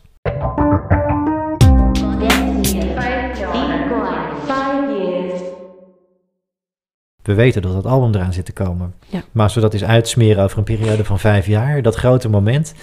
Het mag een droomscenario zijn. Of het mag misschien, nou ja, eh, denkend in eh, hoe jij alles volgens mij heel goed op orde hebt en gestructureerd hebt staan en bedenkt als pakket. Misschien weet je ook gewoon al concreet in een stappenplan waar je over vijf jaar moet staan en dat je daar dan ook staat. En dat gaan we dan controleren. Maar waar sta jij als artiest, met band, solo, weet ik niet. Het is aan jou om niet te veel. Maar waar sta je over vijf jaar? Ehm, ik denk, ik ga gewoon even denk ik mijn droomscenario verwoorden. Ik denk dat het hoeft dan niet per se realistisch te zijn. Ehm, maar dan is het, ja precies, dan is het album uit. Mag ik hopen binnen vijf jaar. Ehm, heb ik daar denk ik zowel binnenland als buitenland een tour mee gespeeld. Ehm, misschien zelfs een paar festivals. Ehm, Glastonbury. de Glastonbury. Ehm, ja, hopelijk, misschien zelfs ligt er dan al over vijf jaar weer een tweede plaat klaar. Ehm, ja, en ik hoop dan dat er, dat er met die eerste plaats des eh, voldoende is gebeurd, om het dan maar even zo heel zakelijk te zeggen. ehm, dat er bijvoorbeeld een label de tweede plaat wil uitbrengen. Ehm, Mooi, ja. ja. Dat, dat. En misschien Zo. woon ik in een hutje in Engeland of zo, zoiets. Ja, dat Ja, bij, ja. ja. Nou, dat, dat, ik vind dat dat eigenlijk nog hele bescheiden dromen als het het droomscenario voor vijf jaar is. Maar Ja, het is dan ook weer geval het niet eerste, misschien het tweede album. droom. Ja, precies. Eerste, Festivals. Festivals. maar in een soort vast internationale jaarlijks tour. ritme kunnen, Ja, kunnen spelen en toeren. Is dat... Ja, en ik denk voor mij, wat voor mij denk ik ook belangrijk is, dat ik op een punt kom dat ik echt kan leven van alleen de muziek. Ja. Eh, wat veel muzikanten nu hebben, is dat ze toch, nou ja, om realistisch te zijn, ook gewoon een bijbaan hebben om voldoende geld te verdienen. Maar het lijkt me heerlijk om alleen, om echt die vrijheid te hebben dat je echt alleen kan maken. Eh, en daar je, je inkomsten mee kan verdienen. Ehm, dus dat is ook, eh, ook een droom. Ook wel realistisch, denk ik. Maar eh, ja, ook iets dat lang niet voor iedere muzikant hetzelfde is. nee. Nee. Maar in dit geval iets om in vijf jaar naartoe te gaan groeien. Precies, ja. Super. Nou, dat, ik vind dat een mooie conclusie van, eh, van deze aflevering. Ja. Ik bedank je nog een keer heel hartelijk voor, eh, voor alles. Ja, nou, jij ook bedankt En, eh, voor het ja, mooie Graag gesprek. gedaan. En ehm, ja, nee, eh, ja, voor nu eh, rest ons eigenlijk niets anders dan, eh, dan doei te zeggen. Ja. Dankjewel, doei. Yes. Dat was hem weer. Dat was deze aflevering van Bendraad. En nogmaals heel veel dank aan Lieke. Hey, mocht je deze podcast nou tof vinden, laat het dan horen door sterretjes, hartjes, reviews achter te laten.